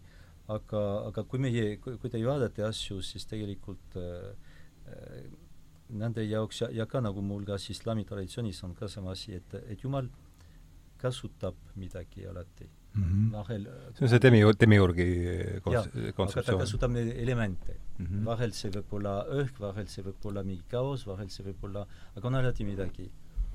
aga piibli jaoks ja see on, see on oluline muidugi kristlaste jaoks, alguses Jumal loob, see tähendab, et ei ole, see ei ole nii, et Jumal ehitab midagi sellest, mis oli. Jumal ei ole arhitekt, Jumalal ei ole äh, lihtsalt äh, faber ladina keeles, ta, ta ei mm -hmm. ole mhm. tööline. ta ei, ei kasuta midagi, mis oli varem, vaid ta loob tõesti äh, ei milleski, ta on sada protsenti looja ja ma ütleksin, et see, mida looja ta annab, see on just see. muidu ta on, jaa, on demiurg, muidu on, on arhitekt, suur arhitekt nagu äh, aga, aga piiblist just Jumal on, loob, see tähendab, et ta täielikult sada protsenti loob kõik see, mis, mis on olemas. ja seetõttu, ja, ja ma arvan, et see on ka väga, väga oluline, kui ta on tõesti äh, loonud kõik, siis on võimalik, et kõik asjad oleksid head. kui Jumal ütleb, et äh, ja leidis, et see oli hea ja seda ta leiab iga päev. See on just sellepärast, et äh, kõik tuleb temast. kui Jumal looks äh, midagi näiteks mingi kaosest või mingi, kui ta oleks saanud vormi andja asjadele, siis ta ei, ei saaks öelda, et see on, et see oli hea, hea ja sellest mm, -hmm. sellest, et äh, kristlik arusaam loomisest on, on ma arvan, väga, ütleme, ta on optimistlik, aga realistlik ka muidugi. optimistlik just sellepärast, et meie usume, et, et enne maailma, et on algus ja enne algustes ei olnud midagi ja Jumal on, on kõik loonud ja seetõttu, kui näiteks on, on küll olnud inimesed nagu see Stephen, Stephen ähm, Hawking, Hawking ja kes ütles, et on võimalik seletada, kuidas maailm teki, tekkis ilma, ilma loojata, sest et maailm võiks niimoodi kvantiliselt tekkida või midagi sarnast äh,. see on selge, et, et sellega ta ei, ei, ei, ei seleta midagi, sest sest ta eeldab alati seda, sedasama, mida eeldasid antiika ja filosoofid, see tähendab, et et isegi enne, kui on mateeria, siiski on midagi. midagi, mis on vormita, aga on mõned seadused, on mõned äh, mingi kord. Mm. ja, ja, seetõttu äh, kõik need äh,, kõik see, mida praegu või, või see Stephen Hawking või, või teised on, on püüavad näidata, et just kaasaegne teadus võiks seletada universumi tekkimust, ma arvan, et see äh, absoluutselt ei vasta küsimusele, sest see alati eeldab seda, et midagi oli. aga piibel just äh, alustab sellega, et alguses ei olnud midagi, vaid sai mm. loodud.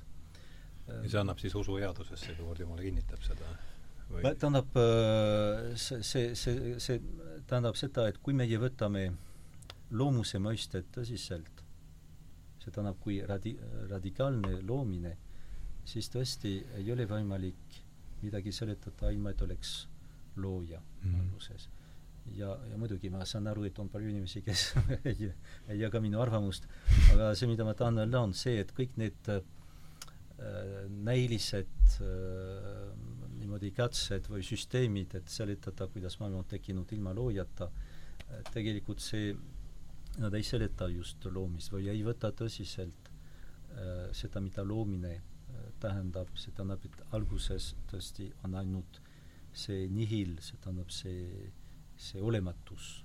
alguses ei ole kosmost, alguses ei ole ruumi, alguses on olematust ja olematusest midagi ei saa.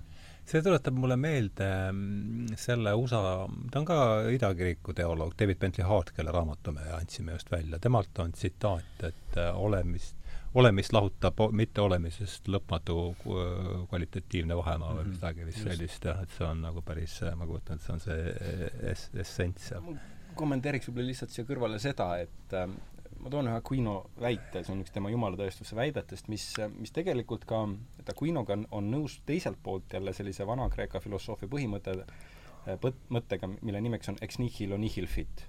ehk siis mitte millestki ei saa midagi tulla mm. -hmm. see on vanakreeklaste põhimõte. Ja mm, -hmm. ja Aquino Tomos tegelikult on nõus sellega mm. -hmm.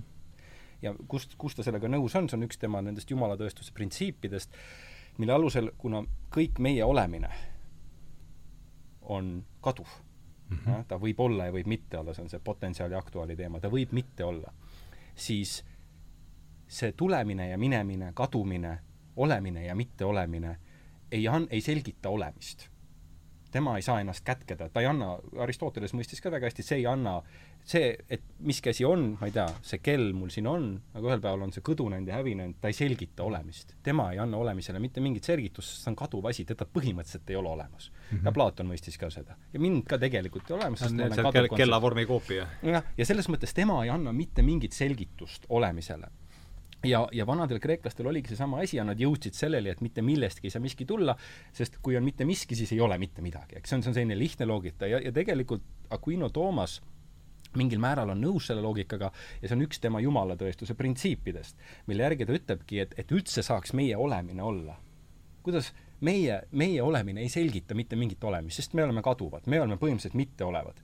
ja nüüd, et üldse saaks selgitada, miks on olemine olemas, isegi see kaduv, tulev ja minev ja surev ja mis kõik muu meil on siin, kasvav ja arenev, et üldse seda olemist selgitada, peab olema Jumal kes on see baasolemine, millest ka isa Philipp siin rääkis.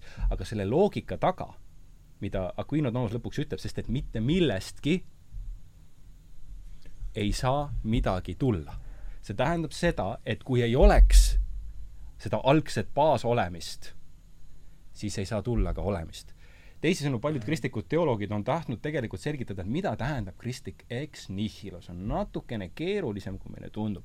sest kui te vaatate, siis Äh, eks nihilost räägib ka Aristoteles, kõik räägivad eks nihilost, need tähendab see muid asju, Kristuses tähendab eks nihilo midagi kolmandat. Aristoteles räägib ka ektome ondos, istoine on algus, mingi asja sündimine. aga see alati tuleb millestki eelnevast, on kas eeleksisteeriv aine, on mingisugune kontseptsioon, mis alati on olemas. Äh, aga seda konkreetset asja ennast ei olnud. ehk siis räägitakse ka nihilost tulekut, aga midagi peab tõesti alguses olema ja tegelikult kristlus ütleb ka, et ei ole päris sellega nõus, et absoluutne mitte midagi on. sest kes on olemas Jumal. ja see Jumal on ka olemine, ta on see baas ja igavene olemine. ja selle tõttu on, on välja toodud, et ka Kristuses see ex nihilo ei väida seda mingist absoluutset mitteolemist, vaid väidab seda, et loodu, ehk siis see, mis on olemise laenanud või saanud oma olemise, ta on algusega, ei ole pärit Jumala olemusest ja ei ole tehtud eeleksisteerivast ainest. see kaks kontseptsiooni lükatakse ümber. ehk siis kristlik ex nihilo ei tähenda et on absoluutne olematus enne loodu algust. vaid ta tähendab seda, et loodu ei ole Jumala panteistlik mm -hmm. emantsipatsioon ja Jumal ei ole teda fabritseerinud eeleksisteerivast mm -hmm. ainest. ja ka Quino Toomas tegelikult oma argumentikas jõuab lõpuks sinna, et Jumal on olemise nurgakivi ja tema olemisest saab üldse olemine tulla, ehk siis ta on nõus sellega, et midagi peab olema, et saaks olla olemine ja selleks on absoluutolemine, selleks peab absoluut olema. sest vaata, Aristoteles jõudis jumal ongi nagu absoluutne olemine, eks ole, eks ole. ja, ja ta, Aquino Toomas räägib palju sellest ülim, maksimaal, absoluutkontseptsioonist, sest ta ütlebki, et ja selles mõttes ta laenab tõesti väga hästi Aristotelest, kuidas jõuab Aristoteles liikumatu liigutajani. Aristotelesel tegelikult mingit jumalat selles mõttes ei ole olemas. Aristoteles ja. ei pöördu selle liikumatu liigutaja poole oma palves, eks mm. -hmm. see ei ole küsimus, see Vana-Kreeka filosoofias Jumal on tarbeüksus, mis selgitab olukorda, mitte midagi muud. abi ta, ta selgitab, miks ajastomane abihüpotees Aristotelesel oli vaja selgitada, miks asjad liiguvad, miks olemine on olemas ja selleks oli vaja ühte baasprintsiipi, mis annaks mhm, selgituse mm -hmm, olemisele ja see olemine pidi kogu aeg olema, sest Aristoteles mõistis ka, et kui kogu aeg ei ole, siis tähendab seda, et potentsiaalis võib ju siis üldse mitte midagi olla ja siis ei oleks üldse mitte midagi, et me jõuamegi nagu, et see tekibki see, see liikumise printsiip. et kui me küsime, ahah, sina said alguse, muutud, liigud, kust sa alguse said? no sealt sain alguse, okei okay,, nüüd lähme veel edasi. ja nüüd me liigume Aristotelese lõpmatuseni nüüd edasi ja otsime seda põhjust, miks olemine on olemas mm. -hmm. ja ta ütlebki, et enne seda põhjust ei tule kui me jõuame selleni, keda ei liigutata, kes Just. on kõige põhjus. sest niikaua, kuni see lõputu jada käib, siis on selgitamata liikumine ja olemine.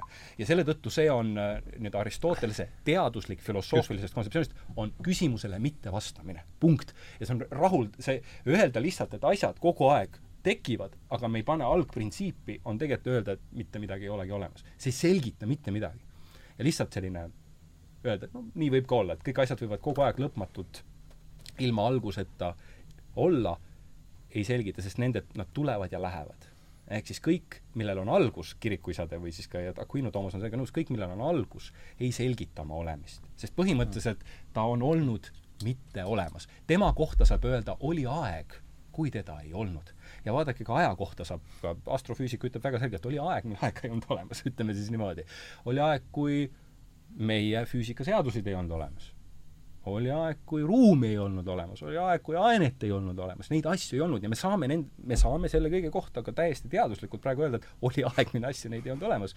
ja Kristus võttis sellest kinni ja ütlebki, et kuna neid asju, kõige kohta ma saan öelda, et neid ei olnud olemas, tähendab, nad ise ei selgita mitte midagi, selleks on vaja olemise baasprintsiipi ja Aquino Toomas selle tegelikult juba vana kirikliku pärimusega sisse toob ja see on, see on naljakas, ma olen mitu korda mõelnud selle peale, et isa Philipp rääkis siin, et ta on äh, inseneri taustaga ja no minust äh, mind treeniti äh, majandusteadlaseks ja ma -hmm. ole, ajasin pikalt seda joru, et majandusseadused on muutumatud ja mis, mis kõik on muutumatud ja igavesti eksisteerivad ja muidugi need viimased aastad on pannud mind sellele kaanonile vähe teise pilguga vaatama, aga aga meil on siin jäänud veerand tundi veel, et et kui nüüd tuleb küll hakata mõtlema sellele, et see jutuajamine saab ka läbi ühel hetkel, et ma alustasin seda Richard Tarnase tsitaadiga, et äh, Thomas Aquino äh, võtab siis Aristotelese ja pöörab ta Kristusesse ja ristib ta, et äh, ma lõpetaks teise tema tsitaadiga, see on nüüd ühest kõnes, kus ta ütleb, et Aquino võtab ebainimliku, vinnastab ebainimliku intellektuaalse Äh, jõupingutusega vibu, mille nool kannab meid äh, siis moderns- või mis siis, nool mm. lendab modernsusesse, et äh, võtaks palun viimase veerand tunni jooksul, üritaks sellele, ei oskagi, lihtsalt viskan selle tsitaadi õhku, et palun kuidagi haakuge, kes, kes tahab. ja ühesõnaga siis jah, et Aquino ja, ja meie tänapäev. me rääkisime ja. juba skeptisi ja see on kõik ja, ja ma seda, jaa, seda, küll ma, see, seetõttu mulle tundub, et on Tooma, Aquino Toomas on, on veel väga üsna kaasaegne mm. -hmm. samas on päris selge, et see metood, mida millest äh, Tauri ka rääkis, see skolastitsi-, skolastitsism ja muidugi ta on nagu, äh, ta tuleb nagu keskaja mistikust ja, ja see, see ei tähenda, et me peaksime nüüd seda, seda kasutama, aga, aga just võtma neid äh, printsiipe, millest, äh, mida Aquinos on, on, äh, mida ta on arendanud võib-olla mitte sellisel viisil, nagu tema ise on seda teinud, või sellise struktuuriga, mis oli efektiivne. ja, ja, ja seetõttu ta on tohutult palju äh, palju rääkinud, palju lahendanud kõiksuguseid küsimusi ja, ja ma olen lugenud, et, et näiteks need kesk, keskaegsed teoloogid ja filosoofid üldiselt on on palju rohkem kirjutanud ja, ja välja andnud kui äh, kaheksateistkümnenda või üheksateistkümnenda sajandi äh, äh, filosoofid, kes võib-olla ma, ma ei ütleks, nad olid asjad, aga võrreldes, et äh, sellega täna see on uskumatu, et tõesti selleks, et kirjutada kõik seda, mida ta pidi kirjutama, ta pidi, tõsi, iga päev nagu see summa on ju niisugune raiulis, eks ole, kus see on tubli meeter. aga muidu üks asi, mis tundub mulle ka väga, väga kasulik praegu, see on äh, Toomas ja, ja see on, see ei ole ainult Tooma, Toomase teema, aga sellest on vähem kõik on, on rääkinud sellest, see on vooruste äh, õpetus, mis on ähm, sest just praegusel ajal me kogu aeg räägid, räägitakse väga palju väär-, väärtustest, eks ole. ja väärtus on just see, nagu see, see eesmärk, mida meie, meie, meie otsime, kuhu me tahame minna, äh, ja voorus on pigem, kuidas öelda, nagu äh, lihased või mus-, musklid, millega meie liikume teatud mm -hmm. eesmärgi poole. See, mida Aquino Toomas ütleb voorustest, on tõesti, see on, see on lühike, see on üks raamat, see on Summa Theologiae Ehm, ja see on see osa, mida nimetatakse prima secunde, see on see esimene osa ja no teine osa esimeses osas. ja seal on see traktaat just voorustest ehm, ja lihtsalt voorused on, on midagi, mis arvestab just äh, inimese reaalsusega, sest enne, kui äh, jõuda eesmärgini, mida meie otsime, meie selleks vajame äh, vahendid, vajame nagu äh, musklid, eks ole, mis on piisavalt tugevad, et meid viia sinna. ja kuidas teha, et, äh, et seda kasvatada, see on just näiteks äh, hariduse või kasvatamise okay. küsimus äh,. kahekümnendal sajandil see on selge, et et vooruste mõiste on, on ka, sai uuesti avastatud, mitte võib-olla kõik seoses Aquino Toomasega, aga ka eriti äh, Ameerika sellise nagu filosoofilises kirjanduses. McIntyre on seal, eks ole. McIntyre on see ja Saksamaal ka on päris palju, on see, see voruste küsimus on, on, on päris oluline ja ma arvan, et see on üks, üks asi, kus me võiksime tõesti palju nagu tagasi tulla Aquino Toom-, Aquino Toomase juurde ja mis, mis on väga kasutatav ka reaalses maailmas, nagu ma ütlesin, näiteks hari-, kõik hariduse küsimused ja, ja kasvatamise küsimused on, on väga seotud just vooruste küsimustega. inimene saab inimeseks, ta, ta, ta kasvab inimeseks. ja ta kasvab inimeseks mitte ainult materiaalselt, vaid just vooruste kaudu, kui, kui need voorused kasvavad, kui neid aidatakse kasvatada, kui korratakse äh, neid tegusid, mis teevad, et nad, nad kasvavad ähm,. saavutada seda, et äh, inimese sees oleks sellised püsivad, äh, püsivad äh, kalduvused mm, nagu hea tegutsem-, tegutsemise poole. see on, see on, see oli tegelikult see, see kasvatamise kontseptsioon, mis oli ka nagu Aquino Toomase oma praegu me elame sellisel ajal, meil on kõiksugused seadusi, see on selge, Äh, Brüsselis nad, nad teevad nii palju seadusi, et ei ole pärast piisavalt me ei jõua neid tõlkida. ametnikke jaa, et seda tõlkida, et seda rakendada, et seda, seda mõista. Äh, ja, ja just see karistamine ja, ja kee-, keelamine muutub peaaegu nagu kuidas öelda, kogu äh, tõsi nagu seaduste eesmärk, eks ole mm, -hmm. et mhm. peab keelama asju, peab äh, karistama asju ja selge on see, et karistamine on, on, on üks osa ka nagu äh, ühiskondlikust, ühiskondlikust elust, aga vahel mulle tundub, et meie unustame just äh, voorusi, see tähendab, et äh, mitte ainult saavutada seda, et inimene ei teeks seda, mis ei ole äh, hea äh, ja muidugi ta teeb, siis me ei karistame teda äh,, vaid saavutada seda, et inimene kasvaks ja kasvaks äh, harmooniliselt mm. -hmm. meie ei saa oodata, et, äh, et seadus näeks ette kõikvõimalikud probleemid, kõik või, ja, ja probleem on pigem see, et miks nendel inimestel on äh,, ei ole neid voorusi, mis äh, ja siis miks nad on teinud seda, mida nad on teinud. kui me, ma loen äh, aja, ajakirjandus või aja, ajalehti igal hommikul äh,, vahel ma mõtlen jaa, muidugi meie meie, meie seadustame, meie karistame, meie aga, aga see ei lahenda neid, neid äh, probleeme. see vägivald või, või see kodune vägivald näiteks või, või või kõik need äh,, isegi need, need äh, kuidas öelda, ahistamised, kõiksugused, et siiski see, see tekitab see, seda probleemi, et lisaks sellele, et meie teeme seadusi, lisaks sellele, et me karistame, lisaks sellele, et me kontrollime inimesi ja üha rohkem ja ma saan tä-, sellest täiesti aru, aga kas me ei, ei peaks ka mõtlema, et aga miks inimesed käituvad sellisel viisil ja kuidas me võiksime teha, et nad ise ei käituks kas, kas meie kooliga ei ole järsku midagi vil-, viltu, teiste sõnadega? et kas meie kooliga ei ole järsku midagi viltu? jaa, või, või see võib ka olla nagu peres või, või perega just, eelkõige enam, jah et kuidas, äh, mida me peaksime tegema, et äh, ja eelkõige see, et, et palju asju, mida meie teeme, et parandada, korrigeerida neid probleeme, tegelikult see ei, ei, äh, ei lahenda probleemi sisuliselt. koolis või, või, või, või peres.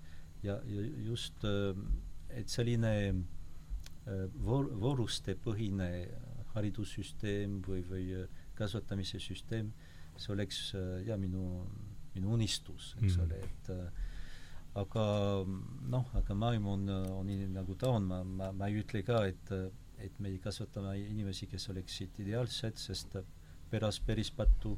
Just Aquino Toomas ütleb meile, et meie keegi enam ei ole ideaalne kuni maailma lõpuni. Mm..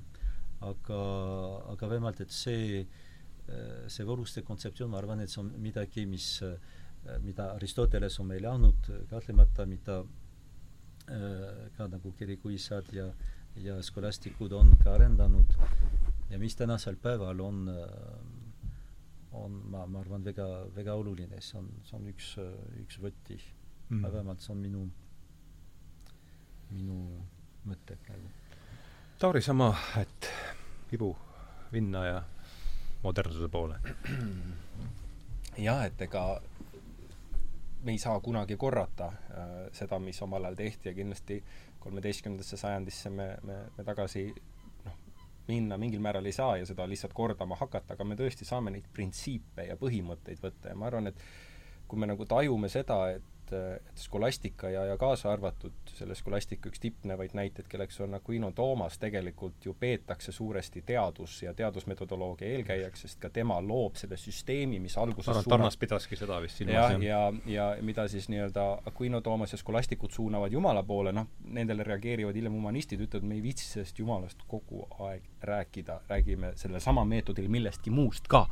räägime kunstist, räägime sellest, nii et seesama meetod suunatakse lõpuks ka siis maailma uurimisse, ja ta mm, -hmm. sellest saab lõpuks, noh, ta suunab teadusrevolutsiooni, nii et ilma Aquinota noh, ma arvan, et äh, ma ei tea, kas teadus oleks, teadusrevolutsioon oleks sellisel määral sündinud, aga ta on kindlasti võib-olla mingil kujul oleks ka ennem, sest skolastika eksisteeris ka enne Aquinot, aga ma lihtsalt ütlen, et ta panustab väga tugevalt äh, sellesse meetodisse, mis, mis sündis ja ja, ja, ja, ja skolastika ja teadus esitavad tihti sarnaseid küsimusi, lähenevad sarnasel moel äh,, aga skolastika tõesti uurib ja, ja debateerib ja teeb seda, võiks öelda, sellises metafüüsilises ja, ja, ja teadus võtab needsamad tihti põhimõtted, et see meie akadeemia nurgakivi, milleks on teemapüstitus, töötlus või läbilugemine ja debatt, mis on selline nurgakivi moodsa ülikooli või akadeemia all, see on skolastikute loodud ja, ja seda kindlasti ülikoolid ise on sellest just, ülikoolid ise sellest on loodud, nii et et, et see aspekt kindlasti on, on, on väga oluline. teine, mis ma arvan, et, et, et, et Aquino võib-olla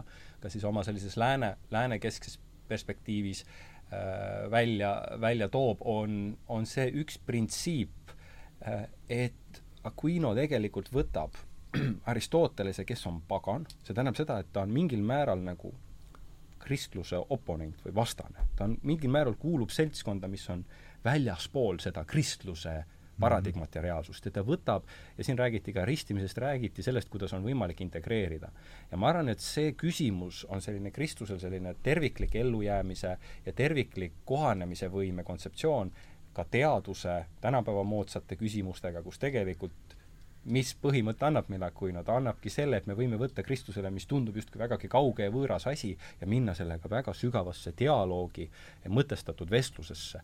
ja, ja, ja ei hoita lihtsalt eks vahemaa teemal, et me ei tegele sellega üldse ja, ja siin on usu küsimus ja siin ärme üldse tegele selle maailma loogika ja muu asjaga, et Kristusel on omad viisid, omad vastused sellele, aga Aquino Toomas annab meile selle küsimuse ja ma arvan, et see võiks olla selles mõttes moodsatele kristlastele ka niisugune ärgituspunkt, et, et me, me võime ka diskussiooni minna, me võime moodsa teaduse, me võime nende kontseptsioonidega rääkida, me ei pea nõustuma, aga me, me teeme avatult seda alati, nii et seesama, et tõde on ja me oleme, oleme nõus ka selle, selle, selle, sellest, sellest väitlema, selle, selle osas arutlema, on, ma arvan, üks väga hea ja ilus kokku, kokkupuute tulek, punkt võib-olla ka siis niisugune sekulaarse teadluse ja, ja võib-olla ka siis sellise Kristuse vahel, kes on tegelikult valmis seda dialoogi tegema, sest tõesti, kui, kui seda dialoogi ei ole ja see lõigatakse väga kiirelt ära, siis, siis meil tekibki Kristus ja tekib kaks eraldi maailma ja Kristus ei, ei ole enam osaduses äh, selle maailmaga, et, et ma rõhutan taas, seda dialoogi tuleb pidada, aga, aga, aga selle samal ajal ei tohi ka unustada seda, see on see kaks küsimust, vaata, et me oleme siin maailmas, aga mitte siit maailmast. Ja ma arvan, see Kristuse see tasakaalupunkt ongi, et kui me oleme siin maailmas, siis räägime selle maailmaga, suhestume, mõtestame, aga me saame aru, et meie selline tuumikpunkt ei ole siit maailmast ja ületab kõik need ratsionaalid ja kõik loogikad, mis üldse saavad olla, see on ka põhjus, miks jõudis võib-olla Aquinole ühel hetkel kohale ja mõtles, et no nii, lähevad kaminasse ära need asjad. see, see on, see on see aspekt, kui tajutakse seda on uuritud ka, et autor tegelikult hakkab siis hävitama oma, oma teost, sellepärast et ta saab aru, et, et see, mis on tegelikkus, on, on, on, ületab kõik selle. et, et see on selline transcendentne, meist suurema, niivõrd suur taju äh,, kusjuures ka, ma toon lihtsalt näiteks Calvin, Jean Calvin, Johannes Calvin toob täpselt sama kontseptsiooni välja, ta räägib oma saatuse teooria, kõik on ette määratud, eks ja lõpuks ta küsib, et kas see on üldse õige, mis ma räägin? ma ei tea, äkki, noh, jumal teab lõpuks, kuidas asjad on. et me teeme siin teooriaid, loome, kalvinism on üles ehitatud ettemääratuse teooria printsiibil ja siis Calvin enne oma surma ütleb, aga jumal ju kutsus kõik pääsemisele, et noh, mis me siis üld-, okei okay. no,, ühesõnaga käed kukuvad jälle niimoodi. nii et see aspekt ka selle inimratsionaalsuse ja vahvate seletuste juures ka neil samadel selgitajatel ei kao kunagi unustusse. Ja ma arvan, et see on üks selline isu, ilus asi, äh, mida, mida mitte unustada. Ja, ja näitab, et me saame nendel kahel tasandil ka liikuda, me saame öelda, et me ei tea lõpuni ja mingid asjad ületavad meid ja meie teadmisi ja olla okei okay sellega. ei, ei tule kohe ärevust peale, kui ei tea. ja teiselt poolt ka minna dialoogi, minna rääkima ja mitte kartma seda, seda elementi. et mul, meil täna jäi küll, teinekord saame vaadata, meil jäi küll idateoloogiline perspektiiv Aquinost puudu, aga see, aga see on omaette suur teema, noh, ma lihtsalt võib-olla lõpetuseks saan öelda seda, et idas leidis ka Aquino Toomas oma, oma koha väga-väga pikalt ja, ja ma lihtsalt tsiteerin võib-olla Gennadius Scholariust, kes on ähm, siis esimene oikumeeniline patriarh äh, Osmanite all, eks, Konstantinoopol langeb tuhat nelisada viiskümmend kolm ja tema on esimene, kes siis saab äh, priviligeeritud õigused sultan Mehmed teiselt kristlastele seal ja, ja temalt, tema oli suur Aquino Toomase fänn. ütle nimi palun veel äh,. Gen-, Gennadios Scholarios äh, ja tema, oikumeeniline patriarh ja tema Äh, tema on muidugi ortodoks, eks, ja, ja, ja selles mõttes ka Ferrara Firenze kirikukogu ta nõus ei ole, aga, aga tema ütleb ühe niisuguse huvitava lause, et oo, Toomas, et nii kurb, et sa ei sündinud meil kreeklaste seas. Äh, et sinu kaitse ja argumenteerituse vägi on nii suur ja nii võimas, et sa oleksid ortodokset nii ilusti kaitsnud, kui sa oleksid meil siin idas sündinud.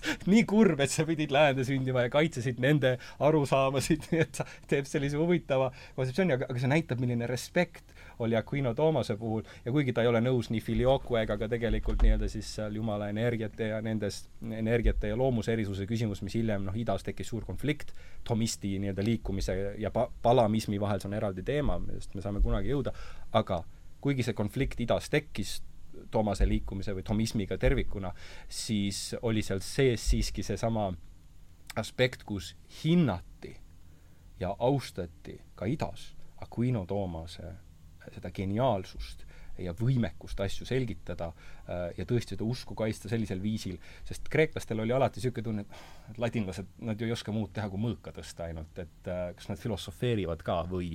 nii et selline ülbus, mis oli ja nüüd Aquino Toomas tuleb ja näitab, et hoopis meie ei oska filosoofiat teha, vaid see mees on ületanud meid. nii et seda tajus, see kreekakeelne ida tajus seda, et meid on ületatud läänlaste poolt mm. filosoofias, mis on meie isade pärusmaa ja nüüd tuleb üks ladinlane ja nüpeldab no, niimoodi, et vähe ei ole, nii et nad tunnustasid seda idas ja nad mõistsid Aquino, kuigi nad ei olnud nõus ja paljudes doktrinaalses küsimustesse läksid ja, ja need, kes Aquino Toomast toetasid idas, nad ka kas hereetikuteks või, või visati kirikust välja lõpuks, see asi lõppes seal ja aga teda respekteeriti vaatamata sellele ja, ja tema oskust, nagu ma ütlesin, just paganate vastu kasutati, just Bütsantsil oli väga vaja islami vastu argumenteerides no., oli vaja neid argumente, et oma usu kaitsel tuua ja, ja, ja Bütsantsi keisrikoda vabalt kasutas neid küll, Johannes Paleologos kuues ja nii edasi, kes nad seal kõik lähevad.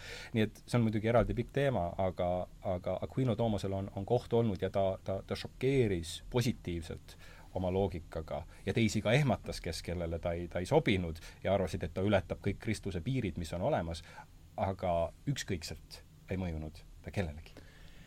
no kena, meil on siin nüüd kaks, peaaegu kaks tundi sellises äh, kuuma suvepäevaga istutud, et ilmselt on äh, aeg siin tõmmata, ikkagi panna sellele vestlusele punkt, et ma sain päris, tegin siin päris äh, paar lehekülge märkmeid, see De instanti-, ins-, instantini-. Instantibus. Instantibus, jah. Instant. Insta-, jah, muidugi ja. instantibus, jah, hetkedest. hetkedest. Instantibus, jah. ja, ja mis siin siis ja, ja siis need kolm reformaatorit olid meil Luter, Descartes ja Rousseau, jah, see aga võib-olla üks viimane väike lugu äh, Aquino Toomasest. jah, äh, lõpetame selle looga. jah, ja näiteks jah ah,, et, et just see, see on selline, see näitab, mil-, missugune inimene ta oli. et, et öeldakse, et, et ühel päeval ta oli siis kloostris ja mõned nooremad äh, mungad olid tema, tema ümber, noor, nooremad vennad. ja siis ühel hetkel üks vaatas aknast läbi ja siis äh, siis äh, ütles, et aga vend Toomas, vaadake, et äh, et seal üks, üks lehm lendab. ja siis Toomas jookseb akna juurde ja, ja see noor, noor vend hakkab naerma ja ütleb, aga vend Toomas, kuidas te võite uskuda, et, et lend leh-, lehnab, et lend, et lehm lendab? ja siis ta vastab, aga mul on palju raskem uskuda, et üks minu vend valetab või ütleb, et nii et tema oli vist selline väga, väga suur intellektuaal, aga samas väga lihtne ja väga selline põhimõtteline mees. et ja seetõttu ma arvan, et et ma mäletan seda, mida äh, kardinal Ratzinger ütles, kes on võib-olla praegu katoliku kirikus, ma ütleksin, et äh, kõige suurem teoloog, pärast on olnud paavst muidugi, aga nüüd on äh, selline määritus äh, kunagi ammu ta pidas loengut ja mm, hästi mingi selline üsna keeruline teema, ma ei mäleta praegu, mis see oli, ja siis ühel hetkel üks, ähm, üks kuulaja ütleb, aga äh, eminents, see, mida teie, teie ütlesite nüüd, ma olen seda lugenud äh, nelja sõnaga, mida kirjutas üks, üks pühak, kes ütles nelja sõnaga sedasama, mida te olete ütelnud kahe tunniga mm. Ja siis, siis Ratzinger, ta, ta ei ole sugugi solvunud.